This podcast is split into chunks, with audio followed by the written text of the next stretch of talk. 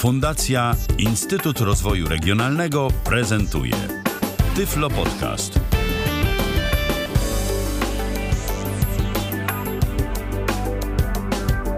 Dobry wieczór. W kolejnym odcinku Tyflo Podcastu witam serdecznie, Ala Witek. Jak zwykle bardzo się cieszę, że zechcieli Państwo spędzić e, z nami czas. E, moimi dzisiejszymi gośćmi są Dorota i Tomasz Bileccy. Witajcie. Witamy. E, ja witam Was bardzo serdecznie i tutaj mm, pozwolę sobie mm, powiedzieć Państwu, że mm, z Dorotą i Tomkiem będziemy rozmawiać dzisiaj o myślę, że bardzo ważnej kwestii i takiej, w której liczą się detale E, a mianowicie o zakupie własnego mieszkania. Porozmawiamy o tym, e, jak w dzisiejszych realiach ten zakup wygląda, jakie instytucje czy też formy zakupu są dla nas najdogodniejsze, najbezpieczniejsze e, oraz o tym, na co ewentualnie na jakie pułapki, czy też na jakie kwestie prawno-formalne musimy zwrócić uwagę. Oczywiście, jeśli ktoś z Państwa będzie chciał tych kwestiach zadać jakieś pytanie lub podzielić się z nami własną refleksją, to jak najbardziej zachęcam. Przypomnę, że można to zrobić na dwa sposoby. Po pierwsze komun poprzez komunikator Skype na tyflopodcast.net, a także pod stacjonarnym numerem telefonu 123 834 835. Dobrze, w takim razie przejdziemy już do meritum. Chciałam Was zapytać na początek, jakie to jest uczucie e, zamknąć od wewnątrz drzwi własnego M? To może zacznijmy od Ciebie, Doroto, jako od tej kapłanki domowego ogniska. Proszę. Uczucie w sumie takie, hmm, nie wiem jak nazwać, trochę takie mieszane. No z jednej strony dość długo było tak, że się wynajmowało i trzeba było się martwić, czy y, jeśli o mnie oczywiście chodzi, musiałam się martwić, czy jakoś y, no nie wiem, czy się utrzymam, różne opłaty, wynajem, czy nie wiem, jakichś szkód tam wielkich nie zrobię, a jak zrobię, to ile trzeba będzie oddać i tak dalej. No, ale w sobie uczucie jest bardzo fajne. Tak? Znaczy, ja też jakoś yy, trudno mi było jakoś momentami się tak z tego cieszyć, bo czasem były takie już dziwne problemy i sytuacje, że aż mi się odechciewało tego wszystkiego. No ale teraz jest przynajmniej takie poczucie, że yy, jestem na swoim, nie wiem, mogę sobie, że się tak wyrażę, wiercić dziury w ścianach, gdzie mi się w sumie podoba. Nie wiem, rozpakować się kiedy, kiedy chcę. No takie przyziemne dość sprawy w sumie. Yy, nie muszę się, nie wiem, nic, yy, o nic pytać jakoś tam za bardzo, no chyba, że nie wiem, coś bym chciała z elewacją zmieniać. No to, to, to do administracji muszę, ale ale tak to no nie, no chcę sobie postawić szafkę tu, to sobie stawiam tu, no chcę sobie coś na ścianie powiesić, to wiercę, no nie muszę dzwonić do właściciela i się pytać, a mogę tu dziurę zrobić, a mogę tam coś przestawić, a nie wiem, to wynieść, to przynieść, no nie wiem, takie właśnie dość przyziemne rzeczy. A poza tym też e, pewnie dla Was jako e, pary to wasze mieszkanie stało się takim po prostu wspólnym kawałkiem własnej podłogi. Gdzieś tam też e, pewnie jakoś to bardziej cementuje, bo e, im więcej rzeczy wspólnych, tym e, jakoś bardziej mm, to poczucie takie bycia razem, bycia gdzieś razem jest namacalne, prawda? Dokładnie. No i też fajne jest to, że w sumie wiele rzeczy się zdobywa razem. No nie jest tak, że nie wiem, o, nie wiem, po ślubie to ja już mam jakieś tam swoje gdzieś mieszkanie, Tomek się wprowadza, albo odwrotnie, tak, że Tomek mhm. coś tam ma, a ja się do niego wprowadzam, tylko razem to załatwialiśmy. Yy, nie wiem, choćby razem yy, na nas jest kredyt wspólnie, tak, na nas jest mieszkanie, jesteśmy współwłaścicielami, nie ma czegoś takiego, że yy, to jest własność y, tej jednej połowy. Tak, tak, tak. Jasne, to dziękuję Ci bardzo. E, to teraz e, tutaj e, będziemy oczywiście wszelkie kwestie związane z zakupem mieszkania poruszać na przykładzie tego Waszego, więc chciałabym Ciebie Tomku poprosić o taki jakby mm, fundament do tego, o czym będziemy rozmawiać. Chciałabym Was zapytać, jakie to mieszkanie, na jakim rynku i kiedy kupowaliście? No, kupowaliśmy bardzo niedawno to mieszkanie, bo wprowadziliśmy się niecałe dwa tygodnie temu. To jest mieszkanie z rynku wtórnego. Eee, I co? I to jest e, w wspólnym budownictwie, gdzieś e, w sensie tak, to jest blok bloku, nie wolnostojącym. Hmm? To jest w bloku dosyć sporym, takim e, ileś ma klatek, tam pięć pięter, pięć klatek, także no, trochę tych mieszkań tutaj jest. Na pewno ponad 100. No. I tak. Aha. Y, czyli już tutaj ja i Państwo wiemy mniej więcej o czym będziemy rozmawiać.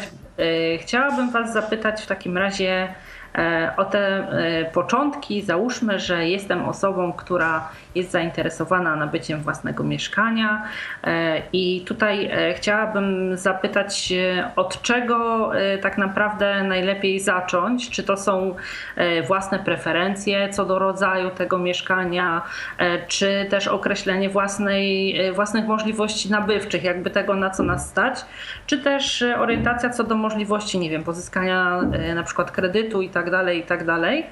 E, no to może tutaj e, znowu pozwolę sobie zacząć od Doroty. Ha, u, u nas było tak, że w sumie wiedzieliśmy, że po pierwsze weźmiemy kredyt, bo innej opcji nie było. E, no tylko teraz zastanawialiśmy się, jakby to zrobić. To znaczy się, Ha, jakiego doradcę znaleźć, skąd, jak, no czy ten na przykład Expander, tudzież tam jeszcze parę innych firm, czy to jest no w miarę takie ok, czy właściwie nie do końca wiedzieliśmy z początku, jak się za to zabrać.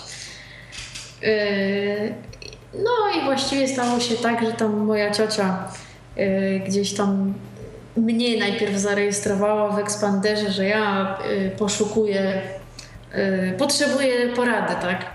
Mhm. Potem jeszcze też wchodziło w grę y, to, czy bierzemy y, z mieszkania dla młodych, z tego programu Mieszkanie dla młodych, dobrze mówię, czy, czy nie. Więc jeszcze też w tej kwestii musieliśmy się zorientować, jakie są warunki dla danej gminy, jakie, nie wiem, zwroty tak, finansowe. Potem się jeszcze też po drodze okazało, że właściwie na rynek wtórny to już w tym roku w ogóle nie można brać z tego mieszkania dla młodych, bo się finanse skończyły. Yy, my też chcieliśmy większe mieszkanie, no co się oczywiście wiązało z yy, ryzykiem. Kosztem, tak? Tak, w tym programie. No i okej, okay, poszliśmy do tego doradcy, umówiliśmy się. E, pozwolisz, że jeszcze dopytam, ostatecznie zdecydowaliście korzystać z tego MDM, czy e, nie? Ostatecznie nie. wyszło tak, że nie korzystaliśmy. Jasne. Ponieważ powodów. mieszkanie jest za duże, chyba że mielibyśmy trójkę dzieci, no to, to jeszcze jakoś byśmy się tam złapali, no ale. Jasne.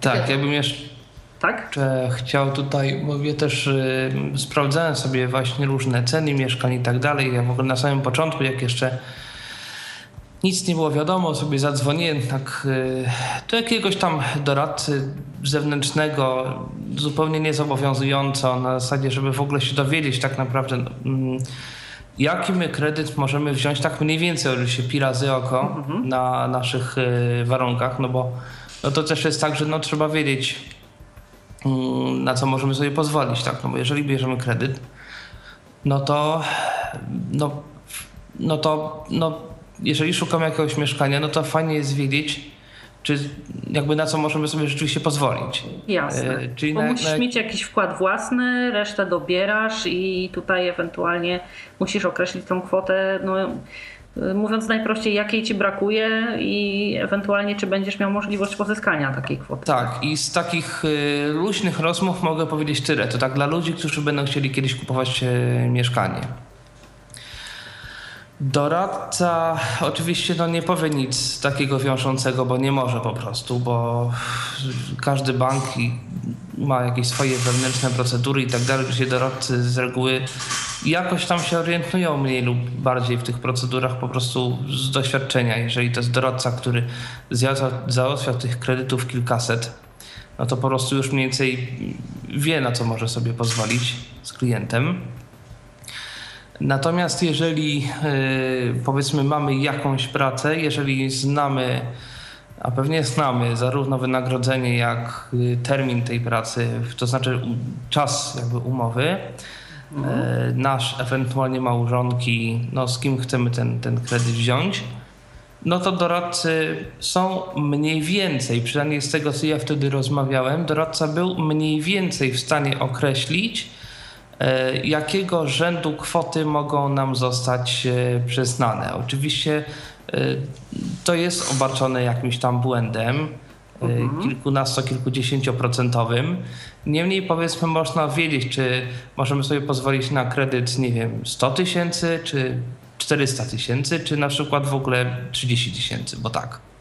Aha. A to już trochę Od dalej. tego zaczynacie współpracę z pośrednikiem, tak? Że doradcą waszym e, finansowym, który jest w stanie wam e, mniej więcej oszacować e, na podstawie tych dochodów, które przedstawiacie, jaka będzie ta odpowiedź banku, tak?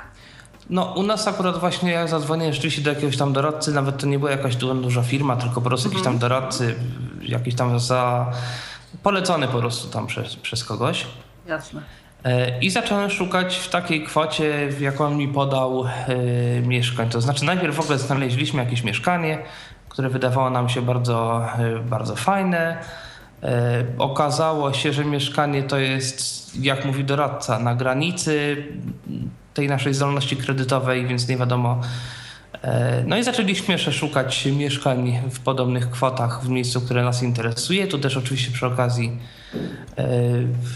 no to większość ludzi wie, ale warto to powiedzieć, że jak sprawdziłem sobie ceny mieszkań, powiedzmy w Warszawie i powiedzmy dla, tak, mówię o takich zupełnie skrajnych miejscowościach, powiedzmy Suwałki, no to w Warszawie za średniej wielkości mieszkanie trzeba zapłacić powiedzmy 300-400 tysięcy, w Suwałkach 100 tysięcy albo mniej.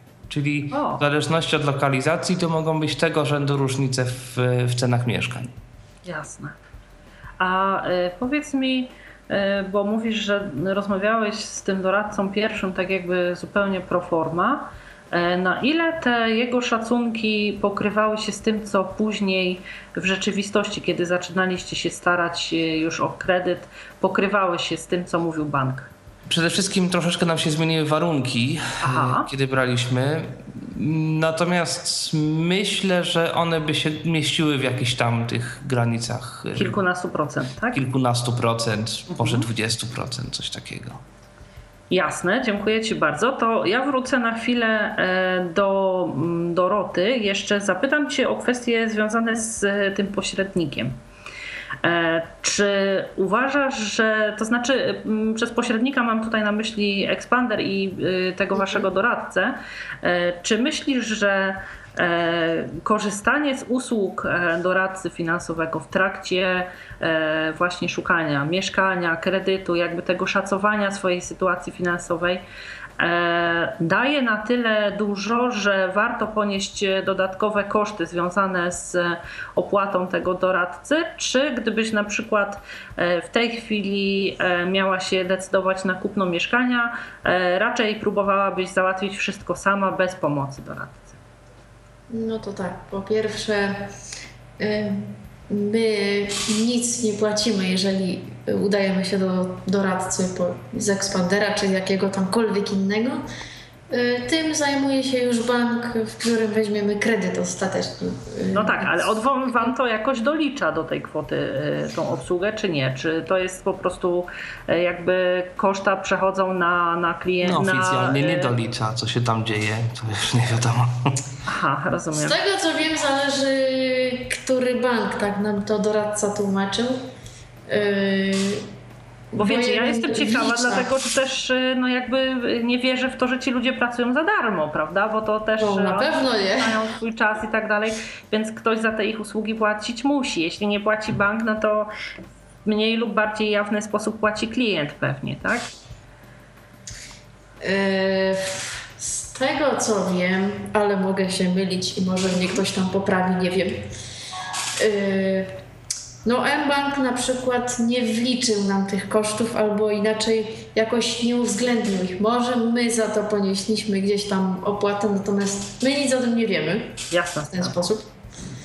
Yy, Któryś bank Boży, chyba Alior albo jakiś tam jeszcze inny, nie pamiętam, to chyba miał wyszczególnione to gdzieś, że opłata za y, tam usługi, porady, coś tam, nie, ale nie pamiętam. Coś doradca nam wspominał, ale jakoś nie zagłębiałam się w to, szczerze mówiąc. Jasne, zwłaszcza jeśli nie, jakoś tam nie, y, no nie tam korzystaliście, to też pewnie nie za bardzo Was to Dokładnie. interesowało.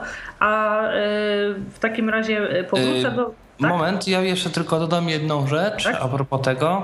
Jak gdzieś tam z kilkoma osobami rozmawialiśmy o, o, o kredytach, które między innymi też brały kredyt i, i część z tych osób brała kredyt y, sama, po prostu wyszukiwali informacji sami w bankach i tak dalej, no to stwierdziły te osoby, że ten kredyt jest sensowny, także możliwe, że udałoby się znaleźć troszeczkę lepszy, natomiast y, z tego, co, z tego, co rozmawiałem, to ten kredyt jest po prostu okej.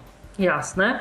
I tutaj e, też e, pewnie na jakieś e, kwestie związane z takim, no najogólniej mówiąc, pilnowaniem całej tej sprawy, tak? Pilnowaniem jakichś tam kwestii formalnych, które trzeba dopełnić i tak dalej. Pewnie też doradca finansowy służył Wam jakąś radą na bieżąco, tak? Tak, no przede wszystkim my się dość tak szczegółowo dopytywaliśmy o różne rzeczy. No nie wiem, e, co w przypadku, kiedy e, nie będziemy mogli spłacić raty, albo na przykład chcemy nadpłacić.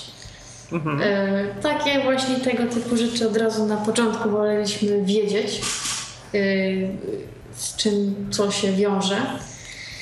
A poczekaj, Doroto, mogę Ci zadać jeszcze jedno pytanie, które w tej chwili mi przyszło na myśl. Przepraszam, że tak co chwilkę Ci wcinam. E, Jestem ciekawa e, czegoś takiego, bo, e, czy w ogóle taka sytuacja jest możliwa, choćby hipotetycznie, dlatego że spotkałam się z osobą, która twierdziła, że nie zdecydowała się na jakiś tam kredyt, żeby wziąć go, to chodziło o odkupienie połowy domu tam od rodziny i tak dalej, ale nie zdecydowała się go wziąć, ponieważ nie mogłaby jakby spłacać w przód. E, Spotkaliście się gdzieś z czymś takim? Bo dla mnie to było e, takie bardzo zaskakujące, bo generalnie. Czyli nie było możliwości nadpłaty. Tak, tak. Nie Jakby wiem, jak to tej jest. przespłaty, w sensie, że szybciej by spłacała te raty niż miała w kalendarzu, w terminarzu Mhm. tym. Nie wydaje mi się. No właśnie Albo dla mnie to się było źle jakieś- chyba źle Jedyne zrozumiało. co, y, co, jakie opłaty mogłaby ewentualnie ponieść, ale to już zależy od banku, bo wiem, że każdy bank ma to różnie rozwiązane, y, to prowizje od y, powiedzmy szybszej y, spłaty. Jeżeli by chciała na przykład, nie wiem, y, 100% spłacić albo 90%, albo jak tam jeszcze inaczej, no to musi się liczyć z tym, że może taką prowizję, no nie wiem, 2% chyba, to zależy, 1,5 do 2, jakoś tak, y, y, to może taką opłatę ponieść. Aha, No rozumiem. to z tym się musi liczyć, ale nie wiem jak dany bank ma, więc trudno mi powiedzieć. Jasne. Wiem jak jest w banku w tej kwestii, bo też się dopytywaliśmy. Mhm. E, Tak, o to się w Ale ogóle nie zawsze warto wydaje mi się, to znaczy, właśnie to ja mówię tak na podstawie swoich przypuszczeń. Nie słyszałam o czymś takim, żeby nie było możliwości szybszej spłaty kredytu. Jasne.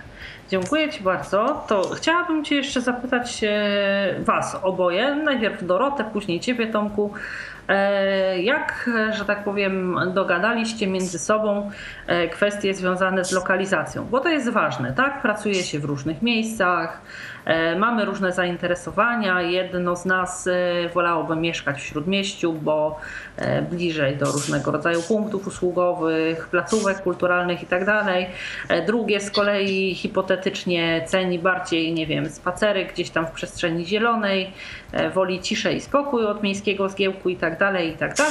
Jak tutaj u Was wyglądały te kwestie związane z lokalizacją? Na co stawialiście e, przy wyborze? Czy to była e, bliskość jakichś takich głównych szlaków komunikacyjnych, czy też e, inne jakieś Wasze preferencje? Jak to wyglądało? Zaczniemy od Doroty. Po pierwsze tak. No jakiś czas temu, około roku bodajże, jak już zaczęliśmy szukać mieszkania na wynajem, i właśnie zaczęliśmy tak myśleć, gdzie by najlepiej było, no właśnie, pod względem, no w sumie przede wszystkim komunikacyjnym yy, i yy, lokalizacji na zasadzie jakieś, nie wiem, sklepy, poczty i tego typu mhm. rzeczy. No a po drugie też cena, tak? No wiadomo, że w Warszawie za, yy, nie wiem, kawalerkę się zapłaci parę stówek więcej niż na przykład w takim piasecznie. Czy tam, no nie wiem, o jakiejś zielonce wołominie to nie wspominam. Mhm. Yy, I poszukaliśmy, jakie są połączenia różnych miast yy, do Warszawy, w sensie tych małych miast, yy, jaka jest komunikacja z nimi, a między nimi a Warszawą. Mhm. No i w sumie wyszło nam, że mm, dla nas najlepszy, najlepiej skomunikowane jest Piaseczno z Warszawą. Aha. Yy, I teraz jak szukaliśmy mieszkania, to właściwie wiedzieliśmy, że już chcemy w Piasecznie mieszkać, no bo już znamy to miasto trochę. Yy, znamy tu różne, nie wiem, miejsca, sklepy, coś, no i tak, tak jeszcze mało, ale już coś zawsze. A nigdy nie będzie tak, że mm, tam, gdzie praca, tam mieszkamy. No niestety tak się nie da, więc musieliśmy y, coś, coś wybrać. Na, na początku nawet myśleliśmy, że będziemy mieszkać bliżej Warszawy, no ale tam się zaczęło okazywać, że albo drogie mieszkanie, albo jakieś, nie wiem, było mieszkanie z. Jezu, co to było? Yy które? Boiler czy coś, to mówię, no kurczę, boiler w XXI wieku w mieszkaniu, to mi się nie bardzo chce. Jakieś te y, termy, piecyki, coś, to mówię, nie, no to nie. No tak, zwłaszcza, że ogrzewanie wody, czy ogrzewanie ogólnie... E, leci i prąd, i tak, gaz, i wszystko. To jest kosztowne, to, więc to tutaj... Dokładnie, to tak potem... E, I potem jakoś znaleźliśmy y, mieszkanie w centrum Piaseczna. No i pamiętam, że jak teściowa no, moja to opisywała, i my obie żeśmy były takie dość sceptyczne a propos właśnie tego mieszkania. No bo tu meble tak wyglądają, a to w ogóle, y, nie wiem, rozmieszczenie tego mieszkania jest jakieś takie dziwne. No ale jak poszliśmy potem w niedzielę, to już zaczęliśmy się przekonywać, że to chyba jednak to zostanie. Aha.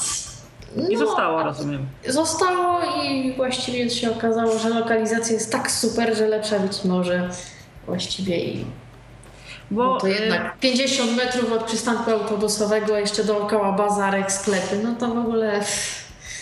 Rewelacja. Niewiele trzeba, dokładnie.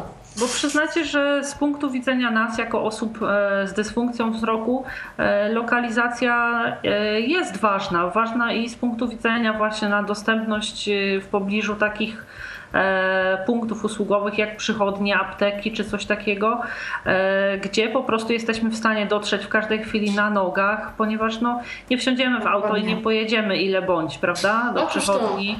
E, tak samo też musimy się liczyć z tym, żeby w miarę blisko było do właśnie jakichś szlaków komunikacji publicznej, żeby nie było jak w zmiennikach, że najpierw rowerem, potem łódką, później tramwajem, pociągiem i tam nie wiadomo czym jeszcze, czy na koniec autobusem, bo to e, no jednak e, powiedzmy, jeśli jedziemy sobie gdzieś tam, nie wiem, w niedzielę pospacerować w warszawskich łazienkach, to jest jeszcze ok, ale dojeżdżać codziennie e, w godzinach szczytu do pracy i skomunikować te przesiadki wszystkie, to nie jest taka prosta sprawa pewnie, więc myślę, że tutaj jakby kwestie związane z, z lokalizacją są, są bardzo istotne.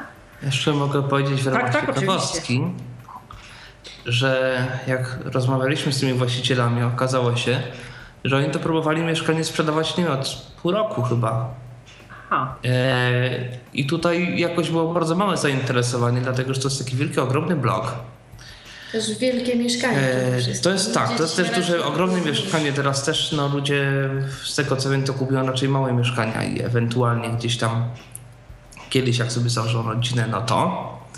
A to jest po pierwsze duże mieszkanie, po drugie lokalizacja z naszego punktu widzenia jest fajna, bo centrum Piaseczna, natomiast dla widzących, no to tak, z balkonu widok na blok sąsiedni, znaczy w zasadzie na dalszą część bloku. Gdzieś tam tak jest widok na to Piaseczne, ale taki trochę nie najlepszy. Z drugiej strony jest widok na ulicę dosyć ruchliwą. E, no I, I to takie jest średnio i się okazuje, jak ludzie nieraz e, widzący, jak dużą uwagę zwracają na e, widoki z mieszkania. No dla nas to jest kwestia powiedzmy drugorzędna o tyle, że no... Jasne, byle nie było kontenera ze śmieciami pod oknem, to jakby tak. generalnie nie ma problemu, albo piaskownicy tuż pod oknem, co też nie jest najszczęśliwszym. No, w sumie nie. No tak. tak. I to już nie bynajmniej ze względu na jakieś tam e, słabe walory wzrokowe, tylko po prostu no, słuchowe. Tutaj my akurat mieliśmy e, mieszkanie, szczęśliwie już go nie mamy, e, z, że tak powiem, balkonem na plac zabaw i po prostu powiem, że najlepiej w tym mieszkaniu czuła się moja teściowa, która miała aparat słuchowy i mogła go sobie wyłączyć. No normalnie mieszkać, to ciężka sprawa była. E, tak, chociaż no z drugiej strony, jeżeli ktoś e, ma jakieś własne dzieci, no jeżeli tak, może kontrolować chociażby słuchem tak. z balkonu, czy tam coś się z tym dzieckiem nie dzieje, to też jest jakiś powiedzmy tak. jakaś zaleta. Więc no to też zależy, no, kto jak sobie życie planuje. Jasne, oczywiście, że tak. E, dobrze, to e, kwestie związane z lokalizacją e, mamy już, że tak powiem, za sobą. To porozmawiamy chwilę o tych takich stricte formalnych kwestiach. Zacznijmy może, wróćmy na chwilkę jeszcze do tego doradcy waszego. E, chciałabym, żebyście tutaj jakby e, tak dookreślili bardziej precyzyjnie, na czym polegała ta jego rola i e, w trakcie tej współpracy, na co wy jako klienci szczególnie zwracaliście uwagę, czy też ktoś, kto byłby zainteresowany korzystaniem z takiego doradztwa, powinien waszym zdaniem tą uwagę zwracać, bo mówiliście, że tam Dorota mówiła, że zarejestrowała ją ciocia w Expanderze i jak? Umawialiście się, rozumiem, na spotkania, tak? I na tych y, spotkaniach poszczególnych e, opracowywaliście, czy tam omawialiście y, kolejne etapy całej tej procedury kredytowej, zakupowej, jak to wyglądało? Może teraz Tomku od Ciebie zacznijmy. Tak, e, no to oczywiście było tych spotkań ileś, no bo to jakby wiadomo, trzeba, trzeba to wszystko... Wielka sprawa, mnóstwo detali, tak? Tak, tak jest. E, najpierw oczywiście no, trzeba było się w cudzysłowie wyspowiadać doradcy finansowemu z, ze wszystkich naszych dochodów, czy to jest stałe, czy to jest jakoś tam czasowe i tak dalej, bo różne banki różnie to wszystko traktują. No i y, doradca nam mniej więcej zaczął mówić, y, czy możemy liczyć na to, co, co byśmy chcieli. Y, okazało się, że jest jakaś tam szansa, bo on oczywiście nieraz doradcy ma jakieś tam swoje kalkulatory takie, takie, takie jakieś dla siebie. Zaczął nam nawet już wtedy dosyć szczegółowo e, taką analizę jakby robić e, w cudzysłowie analizę ryzyka, czy analizę ewentualnego... Ryzyka odmowy, tak? Tak, ryzyko odmowy.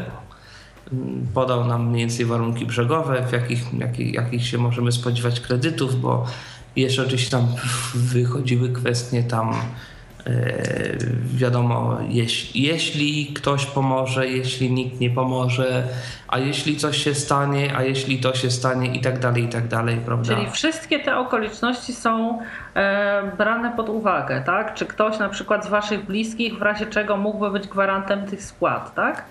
E, czy też, e, nie wiem, dołożyć się do wkładu własnego? Na przykład, no to wszystko Bardziej wiadomo. wkład, bo jeżeli ktoś by mógł być Tak, ale no to jakby, no to jest już jest wszystko w spłacie kredytu, to, to umawiane indywidualnie. I teraz tak, dosyć ważna kwestia.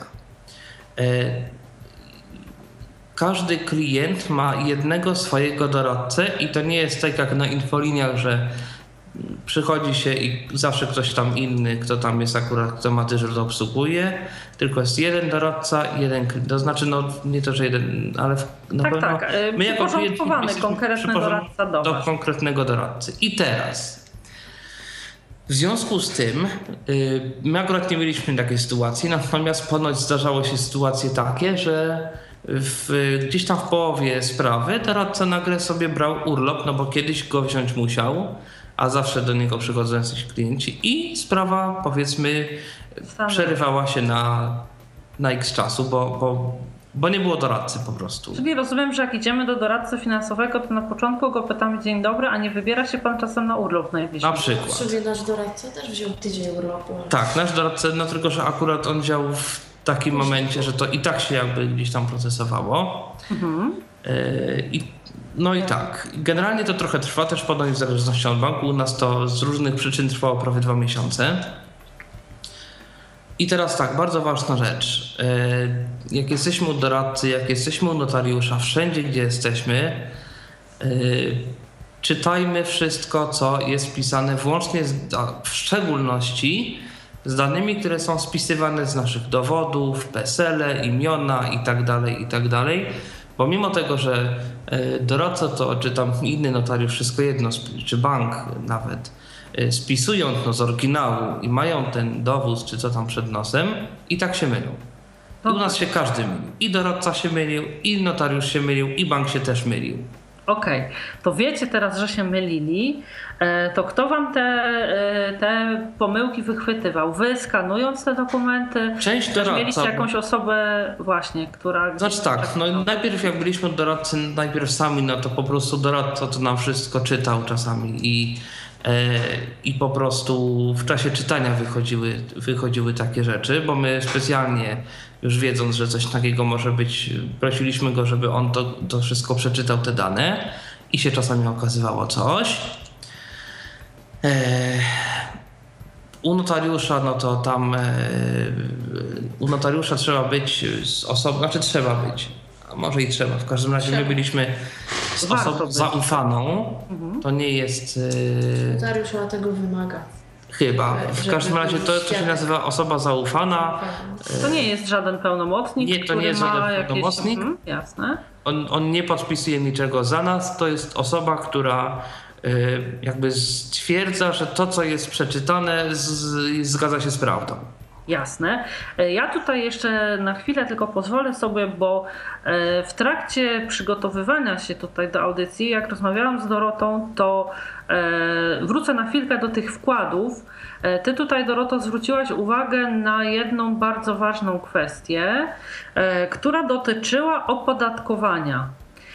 Mianowicie tego, że trzeba zwracać uwagę, bo tutaj e, wspomnieliście o tym, że e, kto ewentualnie mógłby pomóc przy gromadzeniu wkładu. E, I jeśli mamy na myśli e, rodziców, załóżmy któregoś z Was, e, to o czym my tutaj w kwestii tych, tych podatków e, ewentualnych musimy pamiętać? No to tak, ja, ja miałam sytuację taką, może się odniosę jakby na podstawie mojej sytuacji, jak to, jak to wszystko było. Y, No rodzice tam sporo nam pomogli z tym wkładem własnym. Y, No i wiadomo, trzeba było to przelać na konto, tylko teraz w związku z powyższym, że jest to ogromna kwota, y, to mm, Stety, niestety trzeba było zgłosić to w urzędzie skarbowym. Jasne. Yy, No i teraz tak, jeżeli to jest yy, nie wiem, po linii pokrewieństwa na zasadzie ojciec, córka, matka, córka, y, matka, nie wiem, y, No pewnie brat, siostra. znaczy brat, siostra, babcia. Wstępnych takie. to się tak nazywa, w tej pierwszej bezpośredniej linii pokrewieństwa. Dokładnie. Tak? Y, to nie ma żadnego podatku, ale trzeba zgłosić otrzymanie tych pieniędzy niezależnie jakby na, na co się je wyda, nieważne, ich to nie interesuje. Trzeba zgłosić to do pół roku czasu od momentu otrzymania tych pieniędzy. Y, I teraz mm, dość ważny jest tytuł przelewu, który tam y, ktoś poda, tak? No bo to trzeba też... Tytuł i adresat, jeśli chodzi o konto, prawda? Yy, tak, bo oni tam muszą to posprawdzać, czy to faktycznie. A skąd to rodzice mają, a skąd to. Oj, oni wszystko muszą posprawdzać. Yy, No nie wiem, na przykład u mnie była sytuacja taka, że napisano było darowizna od rodziców dla córki Doroty, tam nazwisko. Yy, I to było konta mojego taty. A że ja już y, parę różnych sytuacji w związku z załatwaniem mieszkania przerabiałam, więc się przyczepiłam w urzędzie skarbowym do tego tytułu. Mówię, no dobrze, proszę pani, ale co ja mam zrobić y, z tym tytułem? No jest to z konta mojego taty, a tytuł jest taki, jaki jest. I ona wtedy, jak dopiero ja zwróciłam na to uwagę, to powiedziała mi, że muszę wypełnić w takim razie dwa druczki. Bo normalnie się wypełnia jeden druczek, że tam otrzymałam darowiznę od tam yy, W nie wiem, wysokości takiej i takiej. wysokości takiej takiej od tego i tego, a jego rodzice to się nazywają tak i tak. Yy, a tu musiałam w związku z tym, że było to od rodziców podzielić na dwa. Czyli musiałam jeden druczek wypełnić na mamę i wszelkie tam różne dane jej i moje, a drugi na tatę i, i z tą samą z tymi samymi, znaczy z podobnymi danymi, tylko że taty. I jeszcze jest jedna Ale gdybym nie zwróciła uwagi, no to. No właśnie. No tak, to pewnie trzeba by było albo połowę rozbieżność- zwrócić, albo jakoś inaczej byłoby opodatkowane, tak? Yy, no podejrzewam, że byłaby jakaś korekta. Mhm. Trudno mi powiedzieć, czy by mi jakoś Jasne. kazali coś tam zwracać. Raczej byłby jakiś tam stres związany z tym, że no trzeba się do tej skarbówki udać i to wyjaśnić i kto wie jak to się skończy.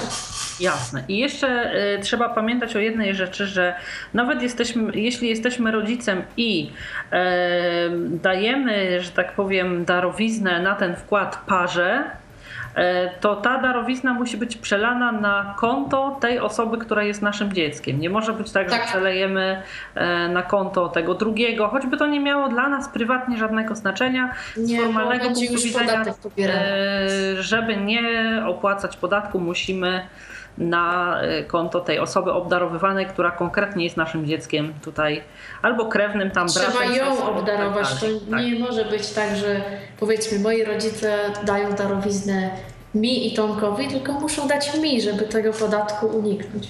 Jasne. To bardzo dziękuję tutaj za taką e, wnikliwą analizę tych kwestii podatkowych związanych z wkładem, bo to też e, bardzo często się e, przydaje w kontekście tego, że młodzi ludzie, powiedzmy, będący gdzieś tam na dorobku, jednak bardzo często przy zakupie pierwszego swojego mieszkania korzystają z tych darowizn z pomocy rodziców. Dokładnie. Jeszcze jest jedna rzecz. Tak? Darowizny można, jeżeli rodzina ma kupę kasy, to może tam codziennie coś wysyłać, no ale musi się liczyć z tym, że jak Urząd Skarbowy zacznie tam się rozglądać y, w dokumentach, patrzeć, no to mogą być sprawdzeni, a skąd wy macie tyle pieniędzy nagle, żeby codziennie jakieś tam darowizny dajecie. Więc na to też trzeba uważać, żeby to nie wyszło potem tak, że ktoś, nie wiem, nie ma pokrycia albo bo musi się jest w stanie udokumentować, bo mieć można musi ile się bądź, wytłumaczyć, że ma jakieś oszczędności czy coś, ale to musi jakoś udokumentować, że no skąd te oszczędności się wzięły, tak? Nie wiem, ziemia jakaś czy coś, no nie wiem, wszystko jedno, ale no wszystkiego trzeba bardzo pilnować, bo można się fajnie wyłożyć niestety. Jasne, bardzo Ci dziękuję. To y, wrócę teraz Tomku do Ciebie z powrotem. Y, tutaj nie chciałam zgubić tego wątku z y, tą, z tą darowizną, więc pozwoliłam sobie tutaj z, Dorotą na taką dygresję. Umawialiście się na spotkania. Pan tutaj, tak jak mówiłeś, gdzieś tam oszacowywał możliwości wasze kredytowe. Czy później już w momencie, kiedy uzyskaliście pozytywną odpowiedź od banku, jego rola w tym momencie się kończyła, czy też te spotkania z wami kontynuował aż do takiego ostatniego etapu, którym było już to zakupienie przez Was mieszkania? To znaczy, to było tak, że w ogóle te, te wszystkie, mm, to wszystko to się jakby, to się przeplatało jakby, bo ten proces zakupu, no to też trwał troszkę, dlatego że no najpierw, najpierw trzeba było pójść do notariusza, spisać umowę przedwstępną, bo tego często wymagają banki. Tą umowę trzeba było zanieść Y, bo, bo banki też, y, to znaczy jeżeli dostaliśmy pozytywną decyzję od banku, to też trzeba było to zanieść, tylko drogo nie pamiętasz, gdzie my to zanosiliśmy, ja już nie pamiętam. Umowę. Yy, Przestępną. Bo to chyba gdzieś się też zanosiło. Już nie to się zanosiło do doradcy on to A, wszystko... właśnie, tak, doradca to My nie wysyłał. jeszcze do banku, my do banku poszliśmy dopiero w momencie yy, podpisania umowy, a że u nas to było kilka razy z różnymi właśnie pomyłkami a propos danych, więc no w każdym razie do banku szliśmy dopiero w momencie podpisania umowy. Wcześniej wszelkie y, dokumenty, wszelkie dane i tak dalej dostarczył notariusz. Nie, nic. Tak, ale samo podpisanie umowy już jest rzeczywiście w siedzibie banku. I Jasne. to już wszystko robi przez bank. Ale to już jest ostatni, ostatni etap jakby, jakby tego, tego wszystkiego. Jasne. Wcześniej jest przez rad. To ja sobie jeszcze pozwolę tutaj zapytać w paru e, takich punkcikach o tą umowę e, przedwstępną. Czy umowa przedwstępna jest również e, z spisywana w, u notariusza, czy jest, y, liczy się, to znaczy wiąże się z, nie wiem, wpłatą jakiejś zaliczki, czy tam są tego typu adnotacje i czy to jest umowa, która również tutaj jakby wiąże się z najmem tego mieszkania, zanim ono zostanie przez Was kupione. Może tak być, nie musi tak być, było, nie było w Waszym przypadku. Nie, u nas, u nas nie było nic, żadnego najmu tego mieszkania wcześniej. Po prostu była umowa przedstępna, która mówiła, że my to mieszkanie kupić chcemy i jeżeli tylko dostaniemy jakby pieniądze, to to my mieszkanie kupimy. Jasne. I to jest jakby w skrócie to, o co chodziło u nas w umowie przedstępnej. Teraz tak, teoretycznie umowę przedstępną może sobie spisać każdy na kolanie. Tak. Bo tak. Ja właśnie tak robiłam, bez notariusza. Natomiast z tego co wiem, yy, chociaż to też jakby to wszystko było omawiane przez notariusza, więc no wtedy sobie osobę gdzieś tam za, zainteresowaną, mhm. yy, chociaż nie tylko yy, przez notariusza. Generalnie ponoć lepiej, jakby bezpiecznie jest z punktu widzenia prawnego zrobić taką umowę przedwstępną u notariusza. I teraz no, koszty, bo w ogóle tak, z reguły jest to takie niepisane prawo, można powiedzieć, z reguły te wszystkie koszty notarialne i inne spoczywają na kupującym. Po prostu mhm. tak, się, tak, tak się u nas przyjęło, robi. Tak? tak się przyjęło. I, I my też tak mieliśmy. I z tego, co mówił notariusz, gdybyśmy u niego spisywali tylko jedną umowę, e, koszt samego spisywania tej umowy byłby wyższy niż koszt spisywania umowy po umowie przedwstępnej.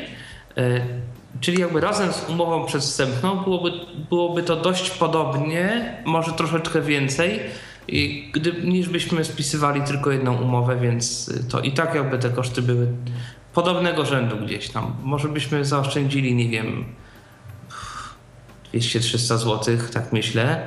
Natomiast w obliczu tych tysięcy, dziesiątków tysięcy, które się prawda, najpierw jako, no bo najpierw trzeba, yy, znaczy trzeba, no nie trzeba, ale no, dawaliśmy jakąś zaliczkę, czy jak to się tam nazywało, zadatek. dawaliśmy zadatek, a Zadatek, tak, bo to też, prawda, zaliczka, zadatek to w, w sensie prawnym też jest różnica, bo jedno właściciel musi zwrócić, drugiego właściciel.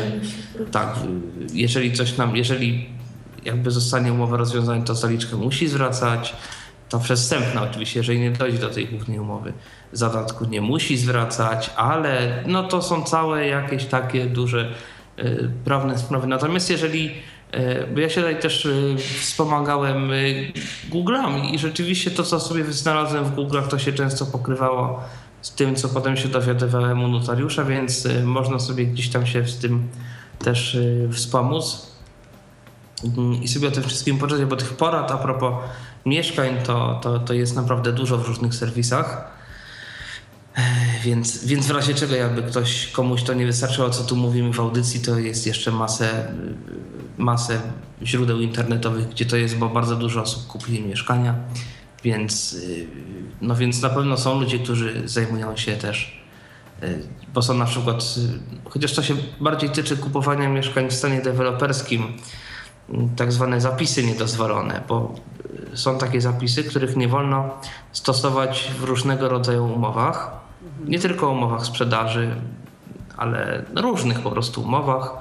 Nie pamiętam, tu jest jakaś organizacja, która, znaczy organizacja, jakiś organ taki rządowy, który mówi, że jakiś, że ten i ten jakby to zdanie nie może być w umowach takich i takich.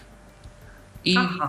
są wylistowane takie najczęstsze. Na przykład ponoć jest takie zdanie, że to właśnie się tyczy takich mieszkań, e, które jeszcze nie są wybudowane. Mhm. I ponoć niektórzy deweloperzy stosują taki zapis, że mieszkanie może się nieznacznie zmieniać w przeciągu budowy tam, bo coś tam, typu nasz balkon może być mniejszy. I nie pamiętam dokładnie tego zapisu, ale właśnie na przykład to jest jeden z tych takich niedozwolonych zapisów. Rozumiem. Bo może być tak, że na planach to wszystko wygląda super, mieszkanie się buduje, nagle się okazuje, że ono wygląda zupełnie inaczej niż było przedstawiane w, y, jakby wcześniej. No tak. Ale w umowie był zapis, że mieszkanie może się zmieniać, więc klient nie no. ma żadnej możliwości obrony. Jasne. E, to w kwestii e, umowy tej przedwstępnej E, jeszcze jedno pytanie. E, ta umowa rozumiem, że bardzo ściśle określa termin, w jakim wy e, macie tam mniej więcej się zmieścić z kupnem tego mieszkania, tak. że to nie jest umowa podpisana na wieczne nigdy i po prostu ktoś z tym mieszkaniem ma czekać na was choćby nie wiem co tak długo, aż wy będziecie mieli kredyt, tak? Nie, tu jest, tu jest termin, ten termin się ustala wspólnie, czyli strona kupująca i sprzedająca jakby my ustaliliśmy go wspólnie, bo to nie jest z tego, co wiem, jakoś prawnie y, narzucone. Y, Wprawdzie nie, ale y, przyjmuje się jednak, żeby maksymalny czas to był tak, no, 2,5 miesiąca. 2 do 3 miesięcy powiedzmy. Raczej nie, raczej 2,5 z tego, co no, z notariuszem rozmawiałam.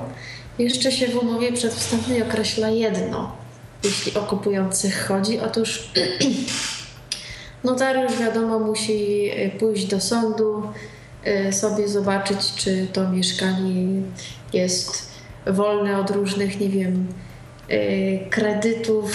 No tam musi wpisy hipoteczne te w księgach wieczystych różne też popatrzeć.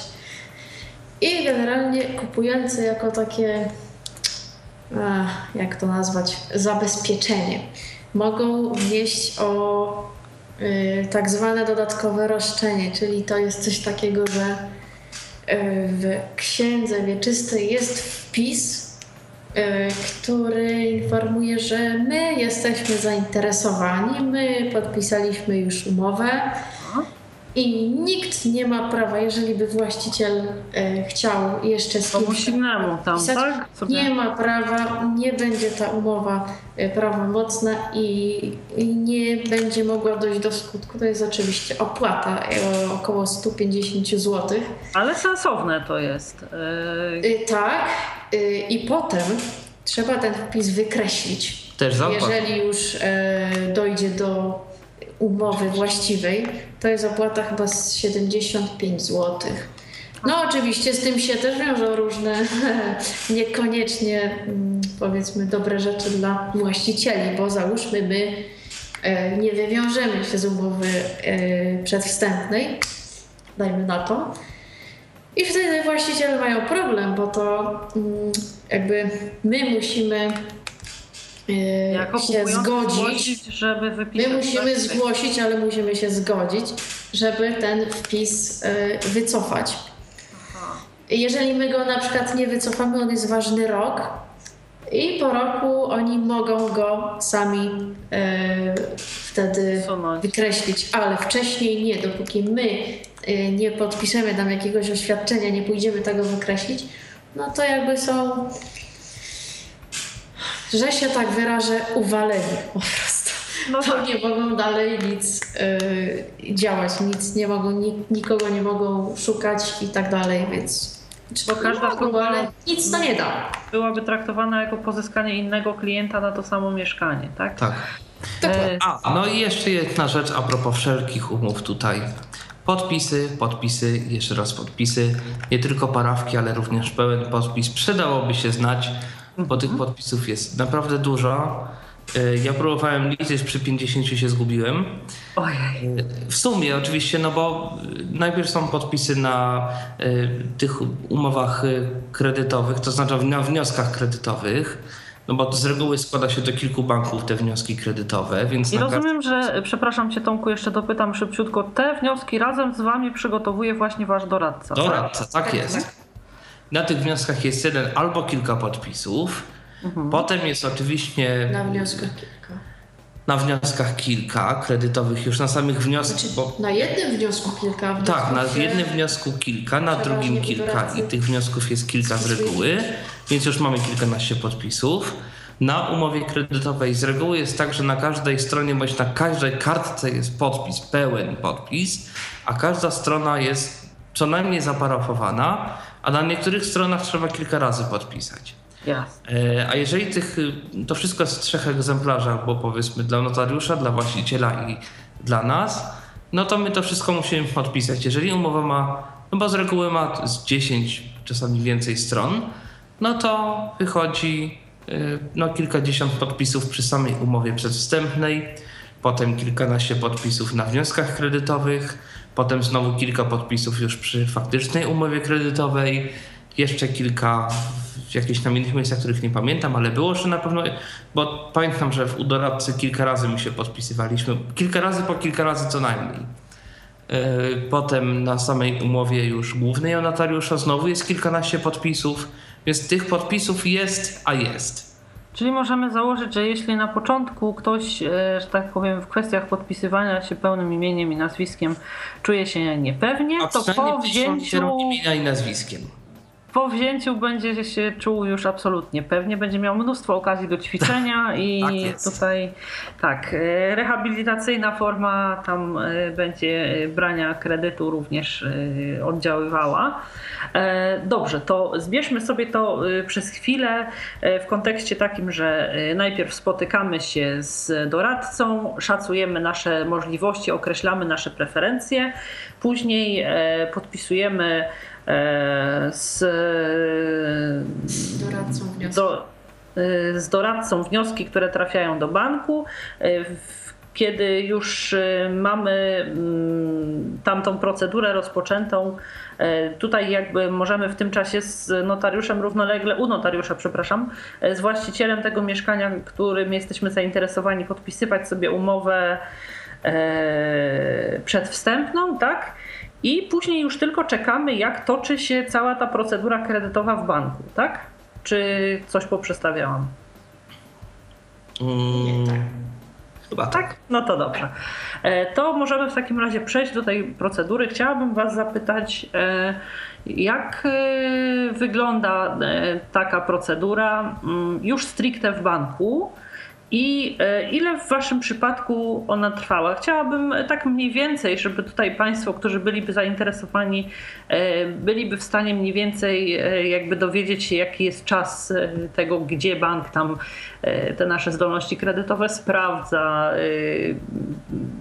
podejmuje wszystkie decyzje, e, ewentualnie prosi o e, skompletowanie jeszcze jakiejś do, dodatkowej dokumentacji. Jak to wszystko wygląda i ile trwa? To e, zaczniemy od Doroty tradycyjnie.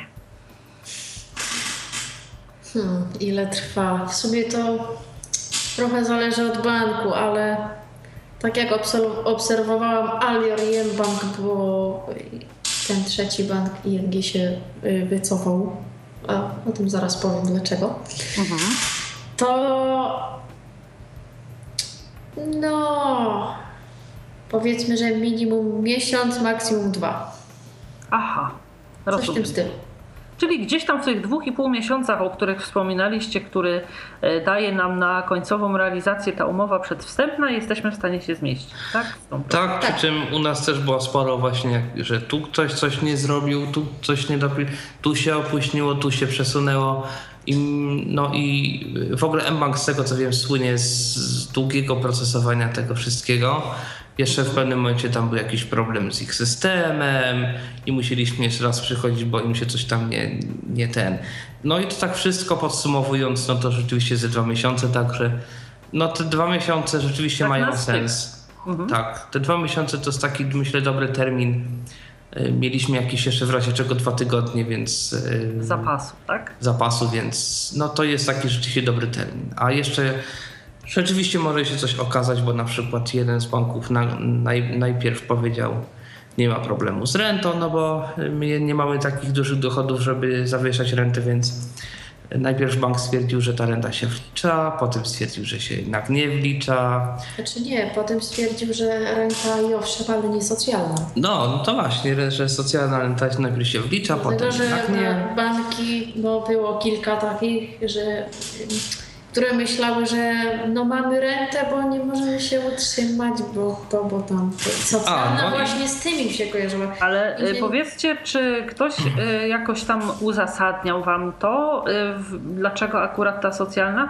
Przecież ona jest jedną jakby z tych rent takich najbardziej stałych w kontekście tego, że nabywanych najwcześniej, gdy jest orzeczona na stałe, to że tak powiem człowiek do grobowej deski ją dostaje. Tak, tylko że banki nie biorą tylko wysokości dochodu dochodów jako takich.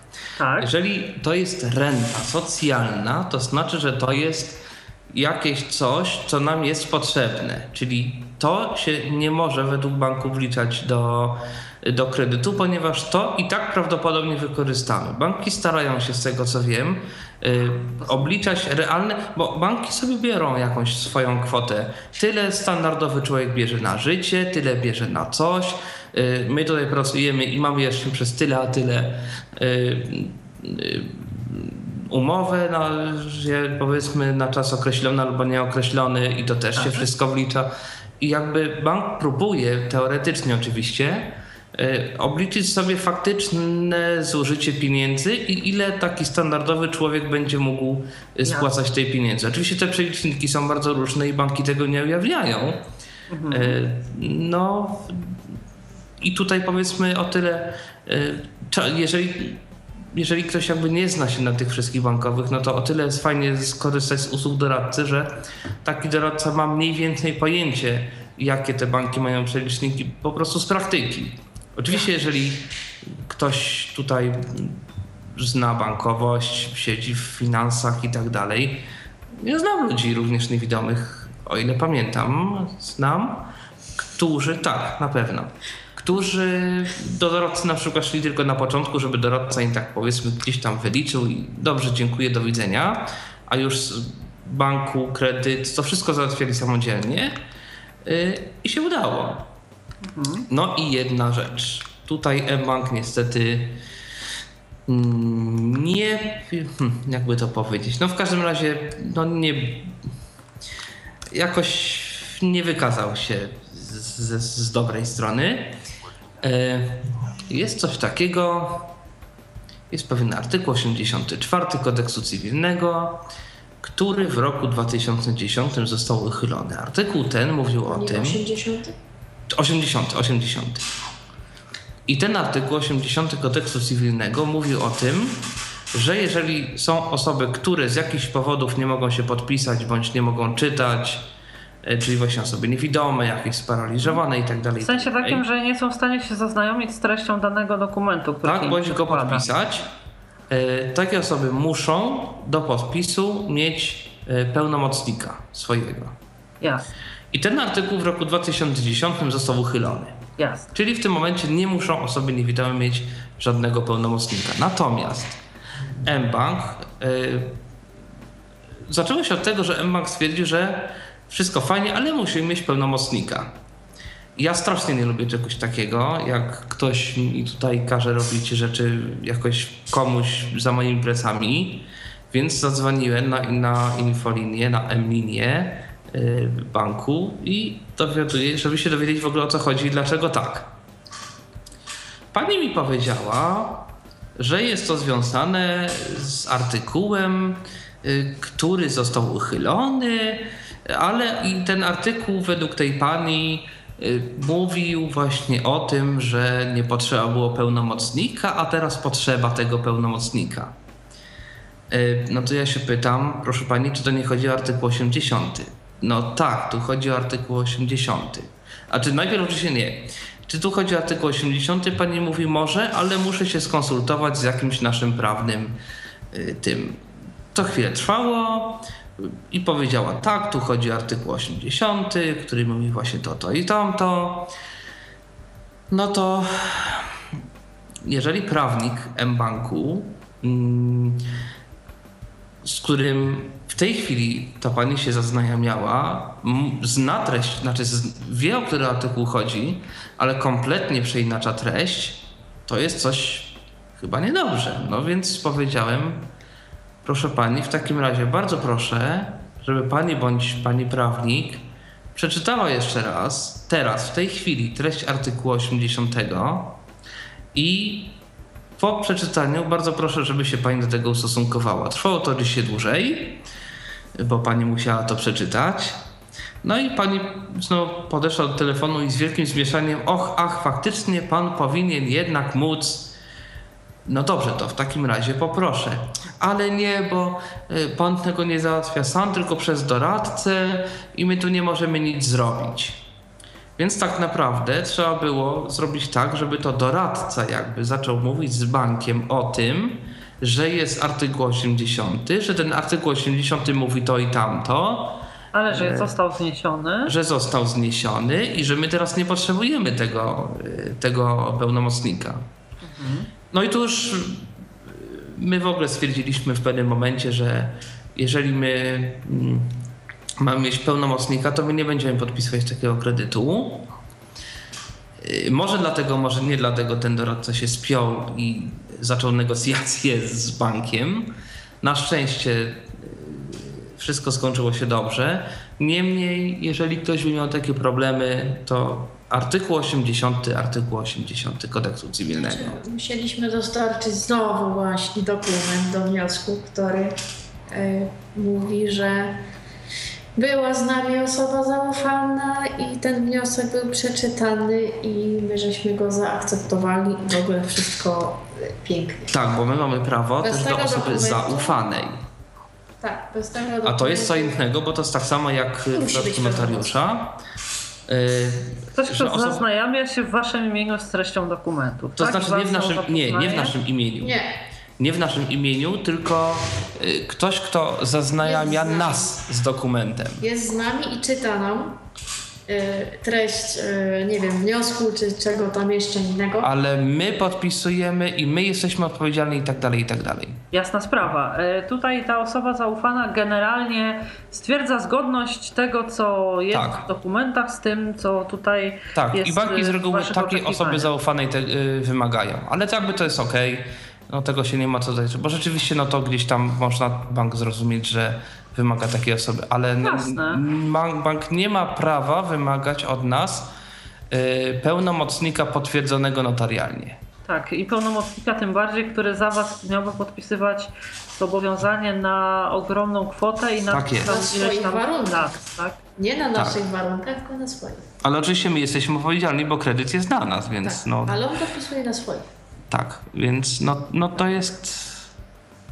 Na to gdzieś też, też uczulam ludzi, którzy by chcieli załatwić takie kredyty, że mogą być z tym problemy. Jasne. To teraz e, przez chwilę e, popytam Was o kwestie związane już e, stricte z tymi formalnościami, które dotyczą procedury bankowej. W jakich obszarach mogliście liczyć na to, że pewne formalności zostaną załatwione przez waszego doradcę, a jakich e, kwestii, nie wiem, związanych z kompletowaniem dokumentacji, spotykaniem się z pracownikami banku i tak dalej, i tak musieliście dopełniać osobiście. To Doroto poproszę, a Tomek tutaj świetnie uzupełnia wszystkie wypowiedzi, więc od ciebie zacznijmy. E, to tak. Muszę myśleć, od czego zacząć. Jasne, spokojnie. E, jeśli chodzi o. E, Bo złożyliście te wnioski, tak? Tutaj e, przychodziły e, po kolei odpowiedzi z banków, tak, nie, nie, czy tam nie, nie, tak. Tutaj trzeba, żeby Państwo podeszli i się spotkali. Tutaj trzeba, żeby donieśli jakieś dokumenty.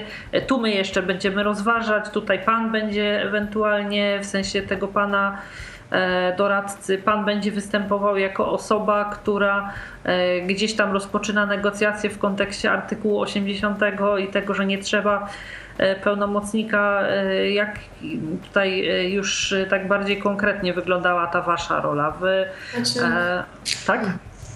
Nasza rola wyglądała w sposób taki, że na przykład bank y, na, wysłał nam maila, że tam kredyt został przedzielony na kwotę taką, taką, bo tam jeszcze trzeba też wykupić jakieś e, ubezpieczenie o, od nich tam. Więc też dali y, decyzję, że no ubezpieczenie, no tam wszelkie informacje a propos tej decyzji, znaczy wszelkie, no właśnie nie wszelkie. Y, oni napisali, że jest, do, otrzymaliśmy kredyt na kwotę taką, jaką chcieliśmy, e, raty wyglądają tak i tak, no tam różne rzeczy e, po, po obliczaniu przekazali. Natomiast e, doradca miał wszelkie inne szczegóły, typu, że no decyzja jest, ale e, tu właśnie pełnomocnik, e, tu jeszcze była sytuacja taka, że E, były e, tytuły przelewów typu pożyczka na mieszkanie albo coś i to trzeba było e, niestety udokumentować, ale jak to, a dlaczego, a skąd się wzięła pożyczka? No i musieliśmy mhm. też pisać oświadczenie, ale my żeśmy tego nie wiedzieli. Bank nas, nas o tym nie informował. Informował doradcę, a doradca dopiero nas informował. Aha. Rozumiem. Tak samo, by, y, jeśli chodzi o Y, umówienie spotkania w banku. Doradca y, rozmawiał z bankiem, z, potem już z konkretną placówką, y, którą żeśmy wspólnie tam ustalili z doradcą, z którą też on współpracuje. No i to on ustalał terminy. Nam albo to pasowało, albo nie. I ewentualnie mogliśmy mu zasugerować, że no my wolelibyśmy, no nie wiem, tego i tego dnia, o tej, o tej godzinie, no raczej nie po południu, bo coś tam, nie wiem co. Yy... Wszelkie dokumenty do momentu podpisania umowy trafiały do doradcy i on wysyłał to do banku. Jeżeli my już podpisaliśmy umowę, no to już my w tym momencie możemy się kontaktować z placówką Niekoniecznie nawet to, gdzie podpisaliśmy umowę, ale już my w ty, jakby w tym momencie poniekąd y, doradca, praca jego, że tak powiem, z nami dobiega końca. Czyli on dostaje informację, że umowa na przykład jest podpisana i koniec. Jasne, rozumiem. E, a chciałam Was e, zapytać jeszcze o e, takie kwestie. W trakcie wszystkich tych umów, wizyt w banku, spotkań z mm, doradcą, jakie Waszym zdaniem, które etapy były dla Was takie najbardziej wyzwaniowe? E, I jakby e, co było takim czynnikiem najtrudniejszym dla Was, e, który może momentami sprawiał, że powiedzmy, nie wiem, odczuwaliście jakiś zawód, zniechęcenie czy coś takiego, to może teraz od Ciebie Tomku zaczniemy, dobrze?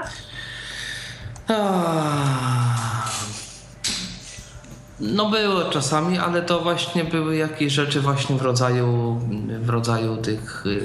Artykułów, tych, tak? I Tak, tego artykułu. Jakieś tego typu, jakieś tego, nie pamiętam szczerze mówiąc, mhm. to chyba lepiej Dorota by się wypowiedziała, szczerze mówiąc. Aha, to, to jak lepiej Dorota, to, to w takim razie... Ja dla odmiany pamiętam parę sytuacji. To znaczy, nie chodzi aż konkretnie tak, ale właśnie o takie, które jakoś tam powiedzmy, nie wiem, no, sprawiały, że może nie dość, że czułaś się niekomfortowo, ale że miałaś wrażenie, że gdzieś ta procedura mogłaby być bardziej transparentna, mogłaby być prostsza, mogłaby być bardziej przyjazna, czy taka bardziej zhumanizowana, tak? Mm. Mogłoby być chociażby dla, nie wiem, była sytuacja taka, że e, moje dane, no zresztą Tomka też, ale w mniejszym stopniu, ale jednak były wpisane źle, błędnie. Mhm. A to już w umowach, czy gdzieś w To już w umowie było. Aha, rozumiem. Mieliśmy projekt umowy i w tym projekcie umowy dopatrzyliśmy się tam paru błędów. No i teraz no myśleliśmy, że to będzie wyglądało tak, że bank to... Zgłosicie, tak? I oni poprawią. Zgłosimy, oni to poprawią na miejscu i jedziemy dalej, podpisujemy. A nic bardziej mylnego. Oni muszą cofnąć całą decyzję od zera. Wtedy wpisywać dane y, z wniosku w ogóle tam, no jakby od nowa tą całą procedurę kroczek po kroczku i to trwa tam Ogólnie już dużo krócej, ogólnie dużo krócej, no tylko to jakby się wiąże znowu z ponowną wizytą w banku. Znowu trzeba ustalić, nie wiem, termin, godzinę. Potem znowu tam coś było nie tak, bo oni yy, najpierw zmienili moje dane, potem się dopatrzyli, że jest błąd w danych Tomka, więc znowu decyzja do zera od nowa. Yy, I to samo. I to było tak kilka razy. Ojej. I to już dla mnie było tak męczące, tak wkurzające, bo zamiast to jakoś wziąć, nie wiem, na miejscu, a to tak? im się system, tak, a to im się system powiesił, a to właśnie y, te dane trzeba było od zera. Potem i tak jeszcze się okazało, że zły numer konta y, wpisali w umowie do pobierania tak. kwoty kredytu, tak. I tu znowu, tu jeszcze musimy iść do banku raz teraz bo tego się nie da zmienić przy, y, jakby po podpisaniu umowy zaraz. Mhm. Tylko musimy to jakoś tam teraz ruszyć. No i jest mnóstwo takich błędów, które po prostu niby są drobne, a z drugiej strony to Błędy drobne, dokument... a konsekwencje poważne, tak? Mogą być poważne, bo no, co mi z tego, że ja mam, nie wiem, na papierze adres inny, oni w systemie mają dobry. Pójdę ja za 15 lat do banku, coś będę chciała załatwić, a pani mi tu powie, że ja mam jakąś, nie wiem, umowę z błędami, co ja wtedy zrobię. No nie, no tak. no to są... Y, tu też kiedyś była sytuacja taka, że doradca coś pomylił podpis, jednego tam podpisu nie dał, drugi podpisał w złym miejscu i znowu trzeba było jakieś deklaracje od nowa podpisywać, więc to się wszystko przesuwało. Są takie niby z pozoru drobne rzeczy, ale to są bardzo ważne rzeczy, bo potem no cóż, nikt nie będzie miał kłopotów, tylko my, no. No tak. Ale Było myślę, parę takich... powiem szczerze, że teraz... E porównaniu z tym, co było 15 lat temu, to te procedury są o wiele bardziej skomplikowane niż były kiedyś, bo y, na dobrą sprawę, powiedzmy te 15 lat temu, przychodził człowiek do banku, e, mówił, że potrzebuje wziąć kredyt na mieszkanie, określał jaki ma wkład własny, jakie ma dochody i po prostu i, i tutaj jakby bank obliczał oczywiście, oceniał jego zdolność kredytową, przyznawał mu taki kredyt albo mniejszy i jakby cała zabawa w tym momencie się kończyła. Oczywiście podpisywało się umowę gdzieś tam u notariusza czy coś takiego i już pozostawało tylko spłacanie rat, więc z tego co wy tutaj opowiadacie, to ja szczerze mówiąc w dzisiejszych czasach nie chciałabym brać kredytu na mieszkanie. Znaczy z tego, co poprzedni właściciele mówili, jak brali kredyt tam, no nie wiem, właśnie z 15 czy 13 lat temu, nie wiem jak to tam było, mhm. to w ogóle powiedzieli, że Yy, poszli do banku, tam była pani, która się tylko zajmowała tym, niczym Mhm. więcej, zajmowała się kredytami. I ona wiedziała, ona była obryta w tym na maksa, ona wszystko wiedziała, co, jak, gdzie, kiedy. I yy, nie wiem, no żadnych jakichś takich problemów nie mieli, no wzięli kredyt i po sprawie, tak, no spłacają, czy tam spłacali, no i już, no. Wszystko było obliczone, przedstawione tak jak tak jak to wygląda i koniec, no nie było żadnych jakichś tam. A tu poszło, poszliśmy do banku zaraz po podpisaniu umowy u notariusza. No i oczywiście e, nikt jakoś tam nie powiedział, pomimo że ja się pytałam e, przy umowie przedwstępnej, jaki ma być tytuł przelewu tego zadatku. I notariusz mówi, nie, no to trzeba tam wpisać, że zadatek, tam imię, nazwisko i tyle. A guzik, prawda to. Potem się okazało, że gdybyśmy wpisali, że zadatek za lokal taki, taki, adres i w ogóle, no to by się w banku to zgodziło. I potem dopiero oni musieli szukać y, potwierdzenia w akcie notarialnym. Najpierw pan mógł znaleźć, to mówi, o, to chyba będzie wszystko wstrzymane, bo, bo nie ma tego potwierdzenia, że zadatek został y, zapłacony, a wkład własny już ten pozostały się nie zgadza z umową, tak? No więc po prostu już mówię, dobra, już nawet się nie zdenerwowałam za bardzo. Bo już uznałam, że no cóż, trudno, już mnie chyba nic nie zdziwi. No w efekcie finalnym się udało ten zapis znaleźć, ale i, i to była właścicielka, musiała maila wysyłać z potwierdzeniem, że to dostała. No.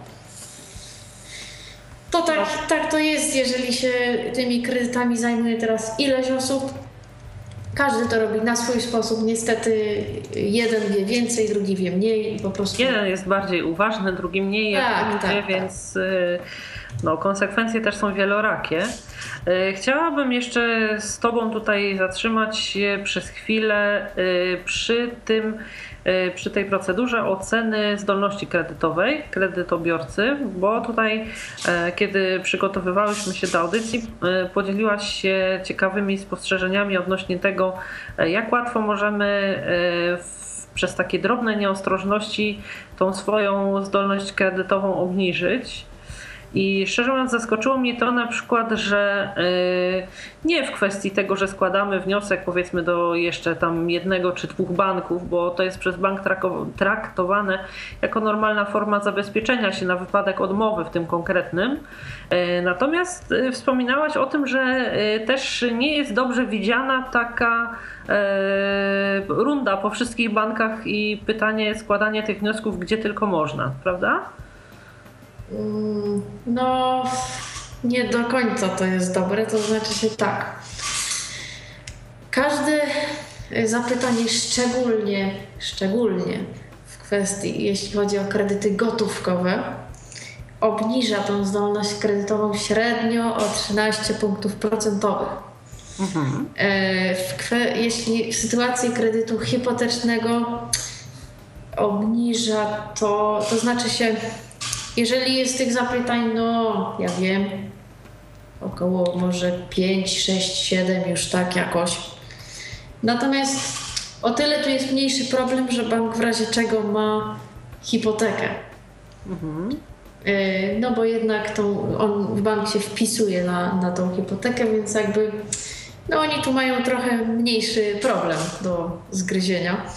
A w, w sytuacji kredytów gotówkowych, no to oni nie wiedzą, tak, czy ktoś to spłaci, czy ktoś tego, a co się stanie, a nie wiem, umrze, nie daj Boże i co potem.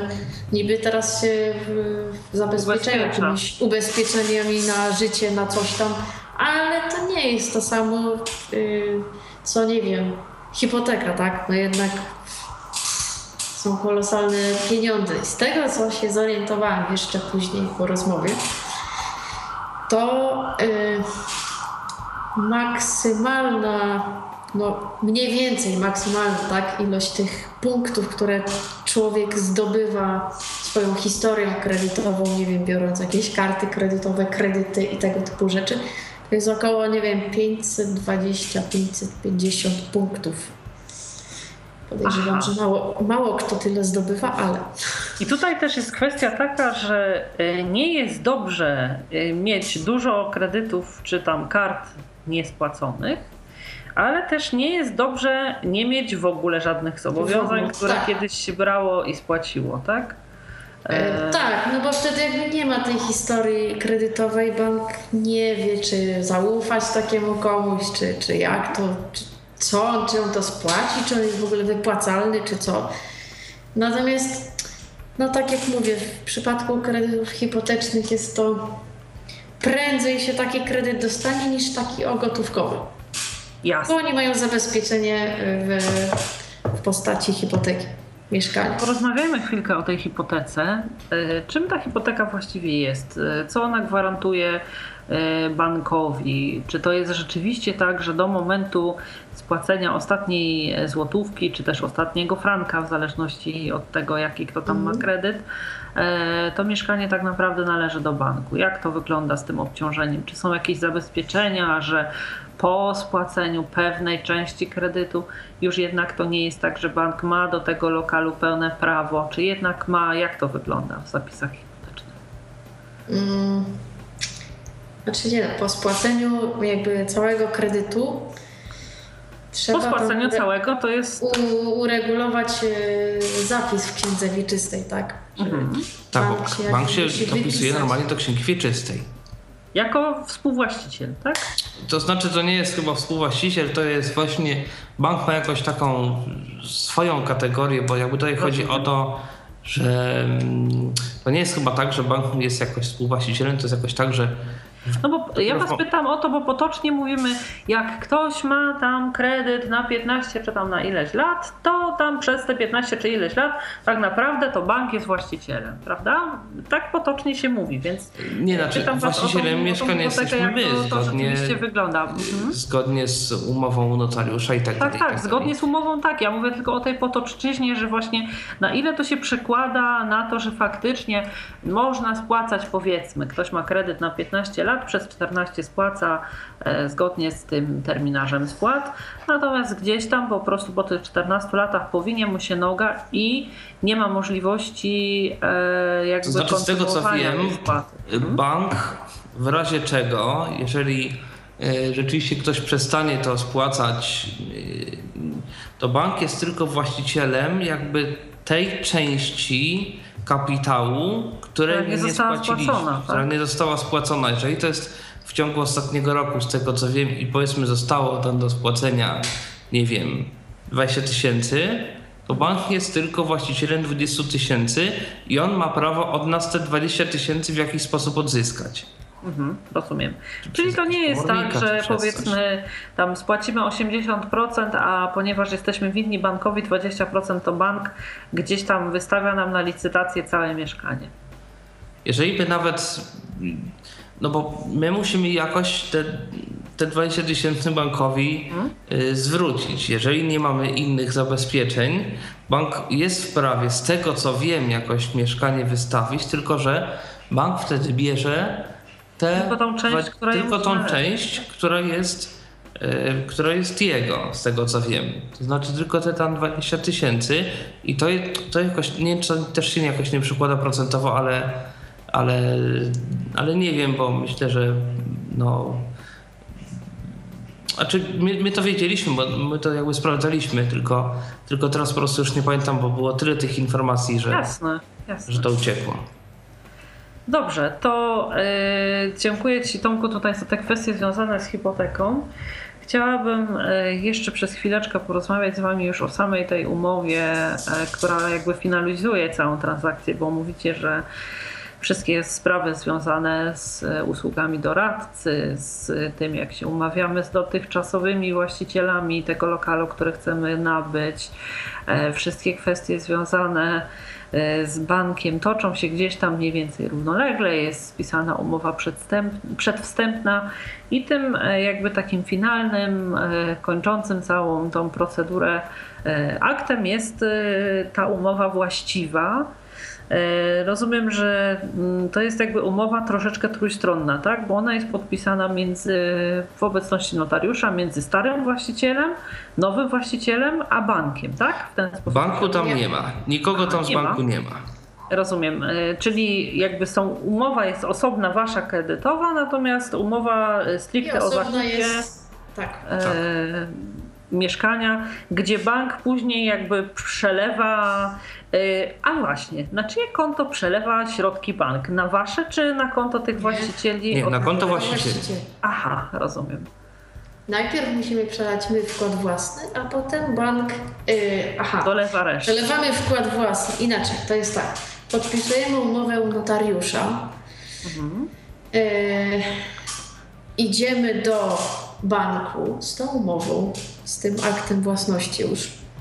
Mhm. Yy, no oni sobie to tam skserują, tak, bo, bo muszą to mieć. Yy, podpisujemy umowę w banku. Yy, mamy tam u notariusza określamy ile dni, Mamy ile, na przelew. ile czasu mamy na przelew swoich środków. Y, przelewamy te środki i potem zanosimy no, potwierdzenie, no chyba, że to jest przelewane z banku, to bank już tam ma powiedzmy w historii oni widzą, że to jest przelane, ale generalnie trzeba potwierdzenie wydrukować i im donieść z wszystkimi dokumentami. No i oni wtedy przelewają, tam mają, no to mBank ma 5 dni roboczych, do 5 dni roboczych E, czasu. Rozumiem, że wy y, otrzymujecie od banku informację, że środki zostały przelane i że tam cała procedura zakończyła się pomyślnie, tak? Czy też sami jakoś No tam... my się bardziej dowiedzieliśmy od tych byłych właścicieli, Aha, rozumiem. że to... My od banku wiemy, że to będzie przelane, bo on na tej zasadzie, że już, bo tam jeszcze jak y, już podpiszemy umowę i idziemy, mm, potem już chcemy, żeby ruszyła ta procedura kredytowa, kredytowa, to musimy podpisać taki wniosek. Proszę o uruchomienie kredytu takiego a takiego, Aha. y, numer konta właścicieli y, i tyle chyba. Z tego. Jeszcze taka... Ale był taki wniosek właśnie, znaczy wniosek, no to była taka bardziej, może nie, nie, nie podanie, ale coś, coś w tym stylu, że proszę o uruchomienie kredytu. No i się podpisaliśmy, y, tam numer konta właścicieli od i wszystko. I oni to zabrali, ten kredyt potem w przeciągu pięciu dni roboczych musiał Być przelany, tak? być przelany, tak. I jeszcze taka ciekawostka prawna. E, Jeżeli bank nie przeleje tego, tego, tych pieniędzy na konto właściciela z jakiegokolwiek powodu, odpowiedzialni jesteśmy i ponosimy konsekwencje my. Aha. No tak właśnie przypuszczałam, dlatego też, y, że tak powiem, pytałam, czy wy właśnie mieliście jakąś informację od banku, czy te środki zostały przelane, czy nie. E, No ale powiem szczerze, że jest to e, takie, e, no jest to bardzo istotną kwestią chyba do dopilnowania, bo jakby myślę, że tutaj cała procedura zawierania tej umowy w tym momencie pewnie zaczynałaby się od nowa z notariuszem z, i w ogóle z wszystkim, co do tej pory było zrobione, tak? Nie wiem, Gdyby bo nie zostało- na, Też- u nas na szczęście nie było takich Na szczęście tak się nie Też zdarza. notariusza określa yy, i do ilu dni ci poprzedni właściciele Mhm. mają się wyprowadzić yy, po otrzymaniu całej kwoty. Jasne. No i wiadomo, my żeśmy tam ustalili jakieś tam, nie wiem, 14 dni czy coś. Natomiast jeżeli by się to przedłużało, no to cóż. I To my wyprowadzka mamy- prawnie może się przedłużyć, tak? Według tego, co, yy, co, co żeśmy ustalili, tak. Ale tylko do tych 14 dni, bo potem możemy normalnie już iść. Yy, ale właśnie, my mamy prawo iść do sądu, my nie mamy prawa. Dobra, sorry, wypieprzamy rzeczy i my teraz wchodzimy, a wy wypad. To tak nie ma. My musimy iść z tym do sądu. Tak samo oni, jeżeli powiedzmy, my nie wpłacimy tych pieniędzy im, powiedzmy, a oni od nas będą te pieniądze chcieli, to nie mogą nam E, Wysłać e, grupy chcące Tak, uderzeniowej. środki, tak, tylko Tylko też wszystko musi iść przez sąd, grzecznie, kulturalnie, tak. według prawa i tak dalej, i tak dalej. Jasne, rozumiem. Dobrze, to e, jeszcze ostatnie pytanie mam do Was, bo e, tutaj e, którego z etapów tej procedury, czy jeśli chodzi o pozyskiwanie kredytu, czy jeśli chodzi o kwestie związane właśnie ze spisywaniem umowy, czy to wstępnej, czy już tej właściwej, czy też samą procedurę bankową, podkreślaliście po pierwsze to, że trzeba zwracać uwagę na wszelkiego rodzaju formalności, czyli dane wpisane w dokumentach, e, na to, żeby wszystkie dokumenty były dostarczone na czas, żeby były prawidłowo wypisane i tak dalej, i tak dalej. E, czyli jednoznacznie wynika z tych Waszych wypowiedzi, że bardzo ważną kwestię w całej tej procedurze stanowi kompletna dokumentacja, tak, uporządkowana tak, dokumentacja. Jasne. E, e, no, oczywiście te dokumenty zapewne by Wam dostarczane w formie czarnodrukowej, tak, zwykłych pism tak. i tak dalej. E, więc z naszego punktu widzenia e, osób z dysfunkcją wzroku, no jakby e, przechowywanie i porządkowanie tej dokumentacji, jeśli tak jak wspominaliście, te umowy zawierają po kilkanaście stron i tak dalej, i tak dalej, nie jest sprawą prostą. Może powiesz Doroto tutaj w miarę możliwości, jaki ty wypracowałaś sobie sposób, czy też model tego, żeby po prostu w tych papierach najzwyczajniej w świecie nie zginąć i kiedy się okaże, że coś tam po prostu jest potrzebne e, i masz na znalezienie tego dokumentu dosłownie 5 minut, bo za chwilę jakiś termin mija, to ty po prostu niczym tam jakiś iluzjonista królika z kapelusza myk i jest. To ja tylko, bo zaraz tak? mi to ucieknie, obawiam się. Ja tylko jedną rzecz. Tak? E, bank przesyła również, to, to nie jest jakoś wiążące, ale bank też przesyła wszystkie projekty, wszystkie umowy w formie elektronicznej PDF-a i nam notariusz też przesyłał projekt umowy, e, zarówno przedwstępnej, jak i to znaczy, to też trzeba się było upomnieć, ale jak się upomnieliśmy, to jakoś to poszło. Y, może przesłać projekt umowy też w formie PDF, aczkolwiek to nie jest w żaden sposób wiążące, to nie jest podpisane. Tak, i to jest dla Was, bo też taką umową wersji elektronicznej nigdzie nie pójdziesz, tak? Jak, tak? Czy jakimkolwiek innym dokumentem. Niemniej, żeby się zapoznać z treścią, no tak, to jest coś takiego. Tak, to oczywiście zapoznać się i bardzo dobrze, że są e, dostępne, bo też e, ze skanami różnie bywa, prawda? Mógłbyś sobie skanować tak i nie zauważyć, że gdzieś jest błąd. Mhm. E, natomiast już mi chodzi też bardziej o te realne dokumenty, dokumenty, które bierzesz w dłoni i idziesz z nimi do banku, do notariusza, czy gdzie tam trzeba, tak? E, to jaką tutaj, e, że tak powiem, metodę na pilnowanie tych dokumentów wypracowaliście, Doroto? Ja po pierwsze, co zrobiłam, to e, kupiłam sobie specjalną teczkę na wszelkie dokumenty związane dużą z zakupem mieszkania. Większą, tak, dużą, dość, no dość dużą, tak. Y, ponieważ, znaczy taką też jakąś twardszą, porządniejszą, to ma mi wytrzymać naprawdę, nie wiem. Długi, długi czas, a poza tym te dokumenty, kiedy czas. nosisz na spotkania też jakoś muszą wyglądać. One nie mogą mieć Dokładnie. gdzieś tam oślich, uszu, zagięć i tak dalej. Mhm. Otóż to, to są na tyle istotne dokumenty, że no, no nikt nie będzie też znaczy jakoś tam pewnie przeczytają, ale no jak to będzie pogniecione i nie wiadomo co, no to, to tak średnio. I świadczy o mnie i... Jasne. No nie jest to fajne. I potem Generalnie to zalecam, y, nie wiem, podpisywanie sobie, wkładanie y, y, każdego z dokumentów w jakąś, nie wiem, koszulkę, jakąś mniejszą teczkę czy coś w tym stylu i podpisanie. Ja nie podpisywałam, bo, bo ja zwracam uwagę na różne dziwne detale i szczegóły, więc nie na rozmiar, fakturę tych dokumentów. Na rozmiar tak, faktury, a ten jest tak, a grubość, a ten jest w takiej koszulce sztywnej, a ten jest w miękkiej, a ten y, koszulka tu jest odwrócona w jedną stronę, a druga jest odwrócona dziurkami do przodu i takie tam właśnie. A tu kartka jest zgięta, no nie wiem, dwa razy, a ta jest zgięta raz, a ta jest... O Jezu, tak mogę wymieniać dużo. Y, Ale dla kogoś, kto y, jakby nie, y, nie ma aż tak dobrej pamięci do faktur, do odwróconych koszulek, jednak polecałabyś metodę tą podpisywaniem sobie braillem na przykład tych koszulek, tak? Tak, polecałabym podpisać, żeby to się nie pomyliło. Ja jeszcze jedną rzecz, którą zrobiłam, to sobie układałam je w kolejności takiej, jak dostawałam i przez to było mi łatwiej pamiętać, co ja tam mam, a czego właściwie nie mam. Bo też miałam taką sytuację właśnie w urzędzie skarbowym, gdzie poszliśmy opłacić podatek od hipoteki. Yy, I pani się mnie pyta o oświadczenie z sądu.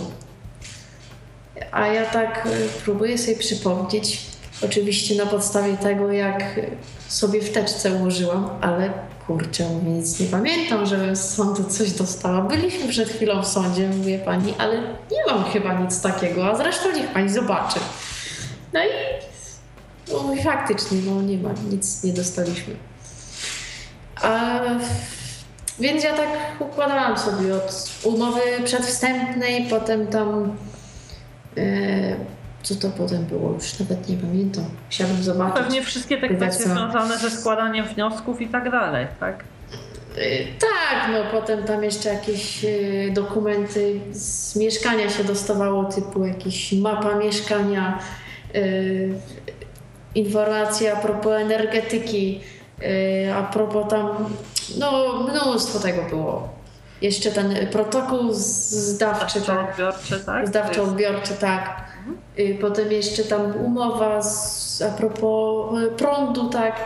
No, mnóstwo było takich umów. E, tutaj a propos tych umów e, związanych z mediami, zwróciłaś też uwagę w trakcie naszej rozmowy poprzedzającej audycję na to, że warto jest mieć od poprzednich właścicieli faktury, żeby e, można było e, idąc, czy to przedłużając umowę na dostawę energii, czy gazu, czy czego tam potrzebujemy, móc jakby tutaj udokumentować, że były opłacone i jakby tak. tą ciągłość w korzystaniu z usług w danym lokalu przedłużyć, przenieść ją jakby na siebie, tak?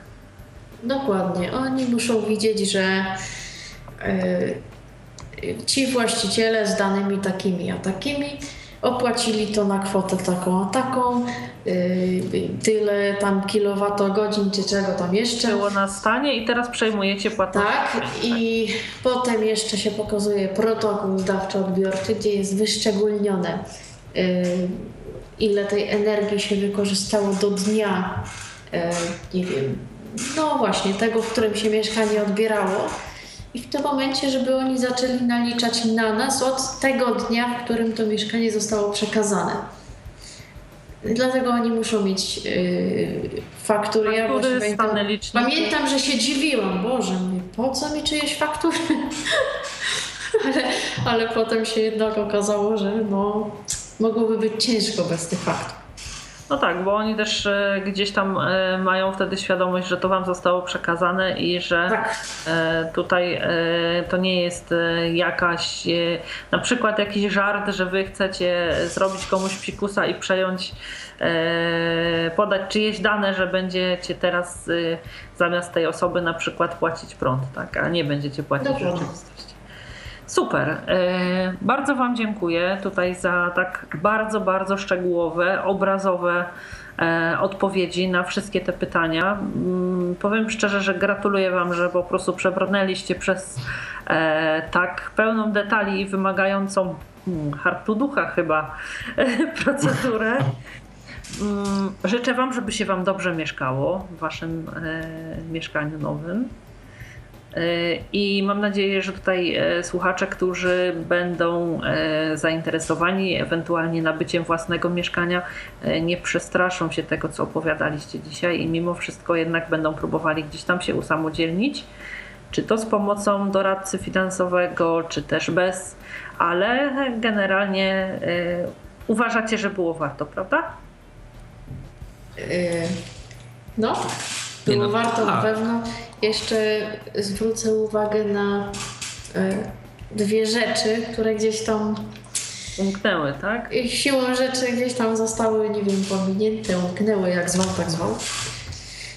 E, pierwsza to e, lepiej uważać na coś takiego, żeby w międzyczasie, kiedy jest ten procedura y, kredytowa rozpatrywana i wniosek w ogóle, y, kiedy to wszystko jest jeszcze nie podpisane, nie zatwierdzone i, i w ogóle nie. Nie brać żadnych, nie wiem, chwilówek, yy, zważać na to, jakie są tytuły przelewów, które do nas przychodzą, albo my wysyłamy, cokolwiek. Tak? Dlatego, że mm, no, może to nas pozbawić szansy kredytu. Nie wiem na jak długi czas, ale powiedzmy na dany moment na pewno. Czyli e, bank, Słyszałam o takich sytuacjach i zresztą sama poniekąd gdzieś tam taką podobną miałam. Nie pozbawiło mnie to, bo wysłaliśmy oświadczenie, ale bardzo trzeba uważać i pilnować tytułów przelewów, jakie się robi, tudzież dostaje. Jeżeli Tak, się bo- pisze tylko pożyczka albo coś z mieszkaniem, albo no nie wiem co jeszcze, no. Albo się weźmie chwilówkę, oni się dowiedzą. Bo, bo generalnie jednym z tych, y, zawsze jednym z y, jakby tych kroków jest poka- przedstawienie bankowi historii, historii konta. Jeżeli bank zobaczy, że jest na przykład taka pozycja w historii jak pożyczka, no to teraz pytanie, kto komu pożyczył? Czy my temu komuś, czy ktoś nam? Jeżeli ktoś nam, to my to będziemy musieli oddawać, więc bank to by też będzie musiał wliczyć do tych swoich Do szacunków kredytowych, tak, do naszej zdolności. Spada zdolność maks- no, automatycznie w sumie. No tyle, ile byśmy wzięli normalną pożyczkę tam od, od kogokolwiek, także no to jest, Jasne. No to są czasem takie rzeczy różne, które, o których też warto Czyli wiedzieć. jak e, uczy doświadczenie, bank nie tylko historii e, konta się przygląda, ale również jego teraźniejszości.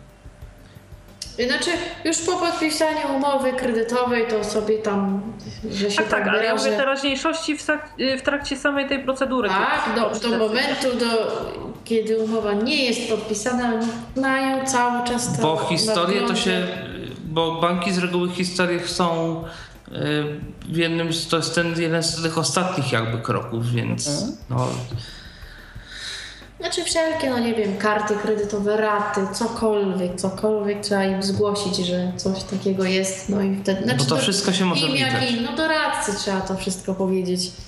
Yy, on musi to wpisać w tych wnioskach, Mhm. nie wiem, w dokumentach różnych tam, no bank musi to wiedzieć po prostu. I nieuczciwość podstawie- zapewne zdecydowanie nie popłaca, bo jeśli coś zatajimy, a bank dojdzie do tego, że mamy taką gdzieś tam jakąś pożyczkę, którą aktualnie spłacamy, a nie wpisaliśmy jej do wniosku, e, to pewnie też e, nie tylko e, jakby zachwieje tą naszą historią, ale też staniemy się dla klientów pewnie mniej wiarygodnym, dla, przepraszam, dla banku Tak. mniej wiarygodnym Już nie klientem. będziemy wiarygodnymi. Tak. klienta. No i Znaczy, oczywiście... Na swój gdzieś tam trochę może jeszcze będziemy, no, ale na ten moment może nas to zdyskwalifikować, no i wtedy No i ostatnie, mowa przedwstępna wzięła w łeb prostu. jeszcze raz powtarzam, czytać, czytać i jeszcze raz czytać. Raz, że dane, a dwa, że y, jeżeli jest jakiś punkt umowy, czy to umowy notarialnej, czy to umowy z bankiem, warto się zapytać, bo z reguły odpowiedź jest y, udzielona i jeżeli są jakieś niejasności, jakiekolwiek co do terminów, co do y, jakichś terminów prawnych, czy terminów no, jakby czasowych, no czegokolwiek po prostu, jeżeli coś jest dla nas niezrozumiałe, bądź jeżeli nie wiemy, czy to jest, nie jesteśmy pewni interpretacji, to warto się zapytać po prostu, żeby potem nie było, że my myśleliśmy, że to jest tak, a tu się jednak y, okazało inaczej. Zwłaszcza, że to, co myśleliśmy po tym, kiedy y, podpiszemy już dany dokument, tak naprawdę nie ma znaczenia, więc e, tutaj rzeczywiście zgadzam się z Tobą, że, że warto jest pytać. Tym bardziej, że w tych umowach i całej dokumentacji treści jest naprawdę dużo.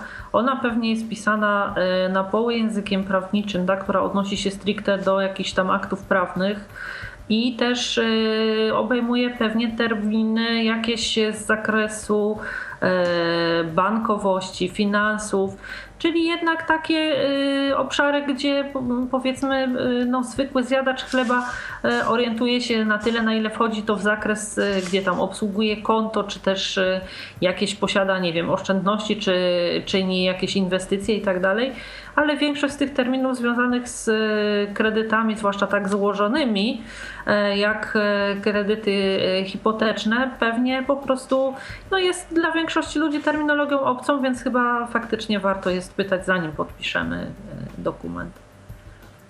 Trzeba być dociekliwym, dociekliwym i jeszcze raz dociekliwym, bo ja już wiedziałam Można po sobie, uniknąć że wielu i w niespodzianek urzędzie później. skarbowym i w różnych jeszcze innych instytucjach, jak ja się nie dopytam, no to niestety mało który urzędnik będzie taki miły i sympatyczny i wspaniały, że on mnie poinformuje o tym, że ale proszę Pani, proszę uważać na, Na coś tam. na to i na to, bo w przeciwnym razie to Zwłaszcza, że z urzędnikami będą- w urzędzie skarbowym e, sytuacje bywają przedziwne, dlatego że e, my, kiedy sprzedawaliśmy mieszkanie, to tam e, chodziło o podatek od wzbogacenia, no bo przecież człowiek sprzedał mieszkanie, które miał i tak się zbo- wzbogacił na tym, że No musi zapłacić podatek od tego.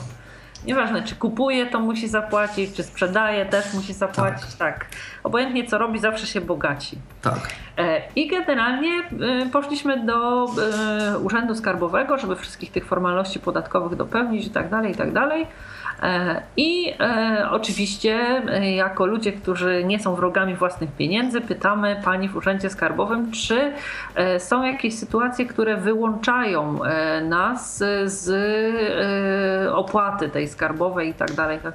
Nie, nie, opłata skarbowa jest tyle, ile tam procent i tak dalej, i tak dalej. To jest formularz, państwo wypiszą, kasa do 13 państwo zapłacą. Dobra. Słuchajcie, wyszliśmy na korytarz i z osobą, która e, pomagała nam po prostu wypełnić ten formularz. E, szczęście, że jakby podał go Piotr jej nie tą stroną, co się wypisuje, tylko tą drugą, gdzie było pouczenia. I wiecie, co było w pierwszym punkcie w pouczeniu? E, sytuacje, kiedy tam płatnik jest wyłączony z ponoszenia tam opłaty skarbowej. No, Czyli po prostu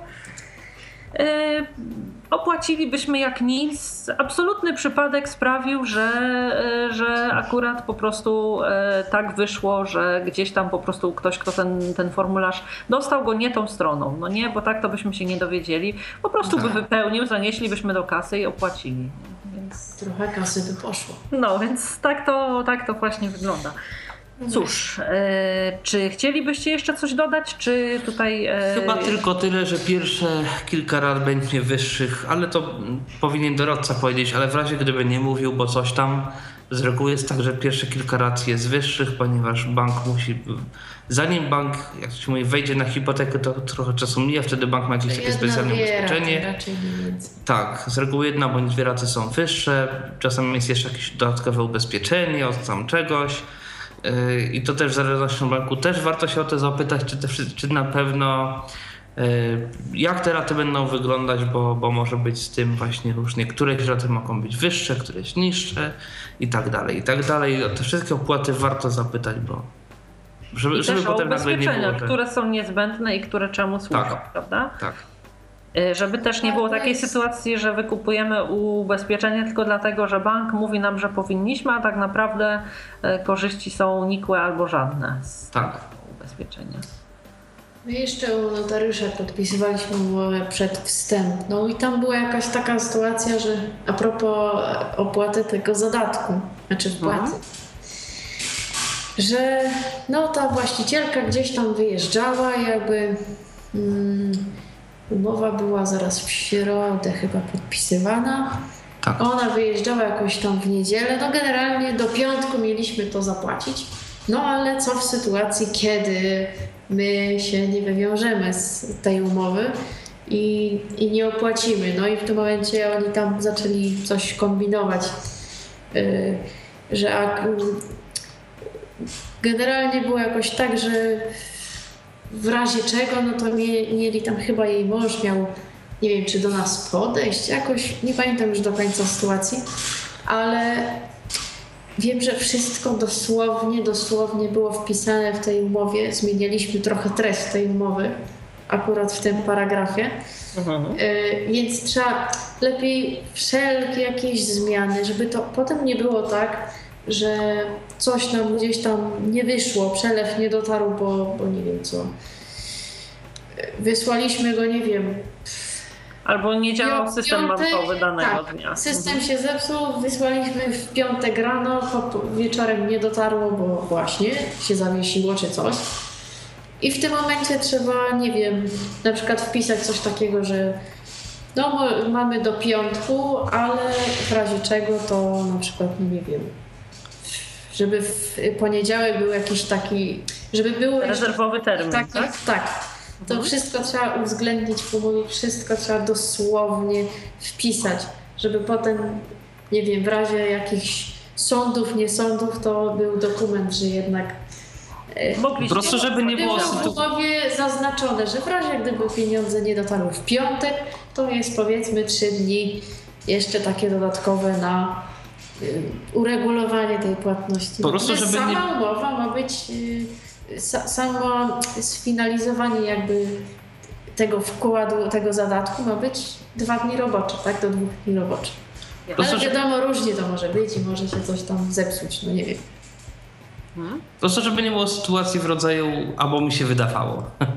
I zawsze, Okej. jeżeli nawet mi się wydaje, ale nie jestem pewien, to, to wszystko, wszystko, wszystko wyjaśniać, bo notariusze nieraz są przygotowani na, na to, że klient się będzie pytał, coś można zmienić y, w trakcie podpisywania umowy. My tak zresztą robiliśmy, bo, bo przecież teraz tak naprawdę to się tylko bierze i w komputerze zmienia tak naprawdę i to wszystko jakby Yy, Właśnie też warto poprosić o to, żeby notariusz wcześniej wysłał projekt umowy, bo wtedy można jeszcze się z notariuszem kontaktować przed yy, spotkaniem i notariusz coś tam może zmienić, coś tam może wyjaśnić i tak dalej, i tak dalej. Także No tak, i umowy, Ale tej, ja...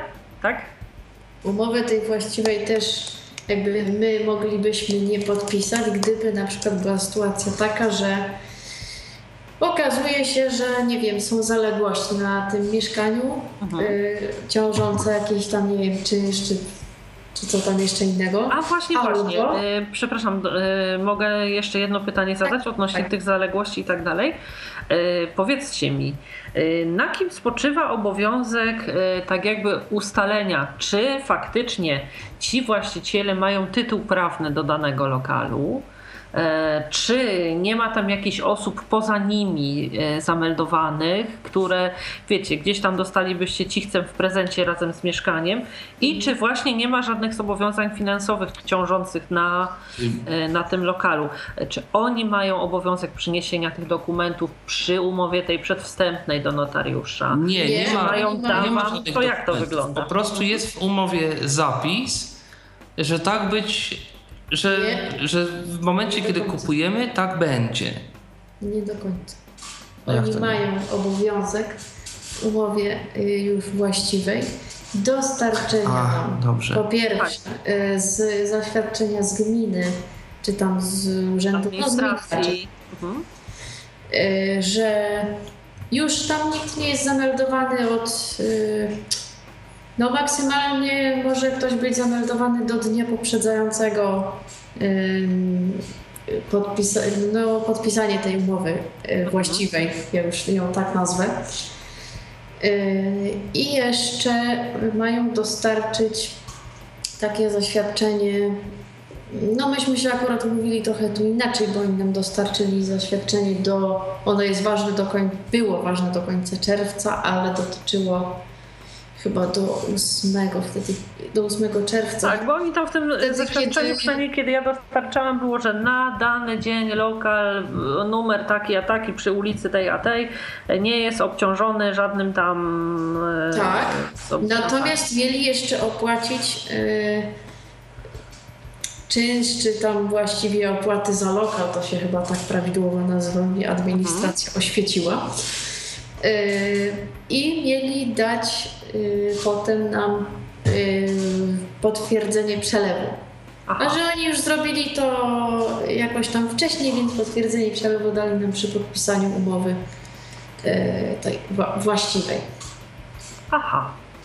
Świetnie. To w takim razie, że tak powiem, moje wątpliwości wszystkie zostały rozwiane. Mam nadzieję, że Państwa też, naszych Państwa słuchaczy i że mimo iż przy e, zakupie własnego mieszkania trzeba po prostu mieć e, głowę na karku, po prostu stalowe nerwy, tak, stalowe nerwy i po prostu niezmierzone obszary cierpliwości w sobie, żeby wszystko to pozałatwiać, e, to tutaj będą Państwo próbowali jakoś własne mieszkania nabyć, czego oczywiście serdecznie życzę. E, cóż, przypomnę, że moimi i Państwa gośćmi byli dziś Dorota i Tomasz Bileccy. Bardzo serdecznie Wam dziękuję. Dziękuję.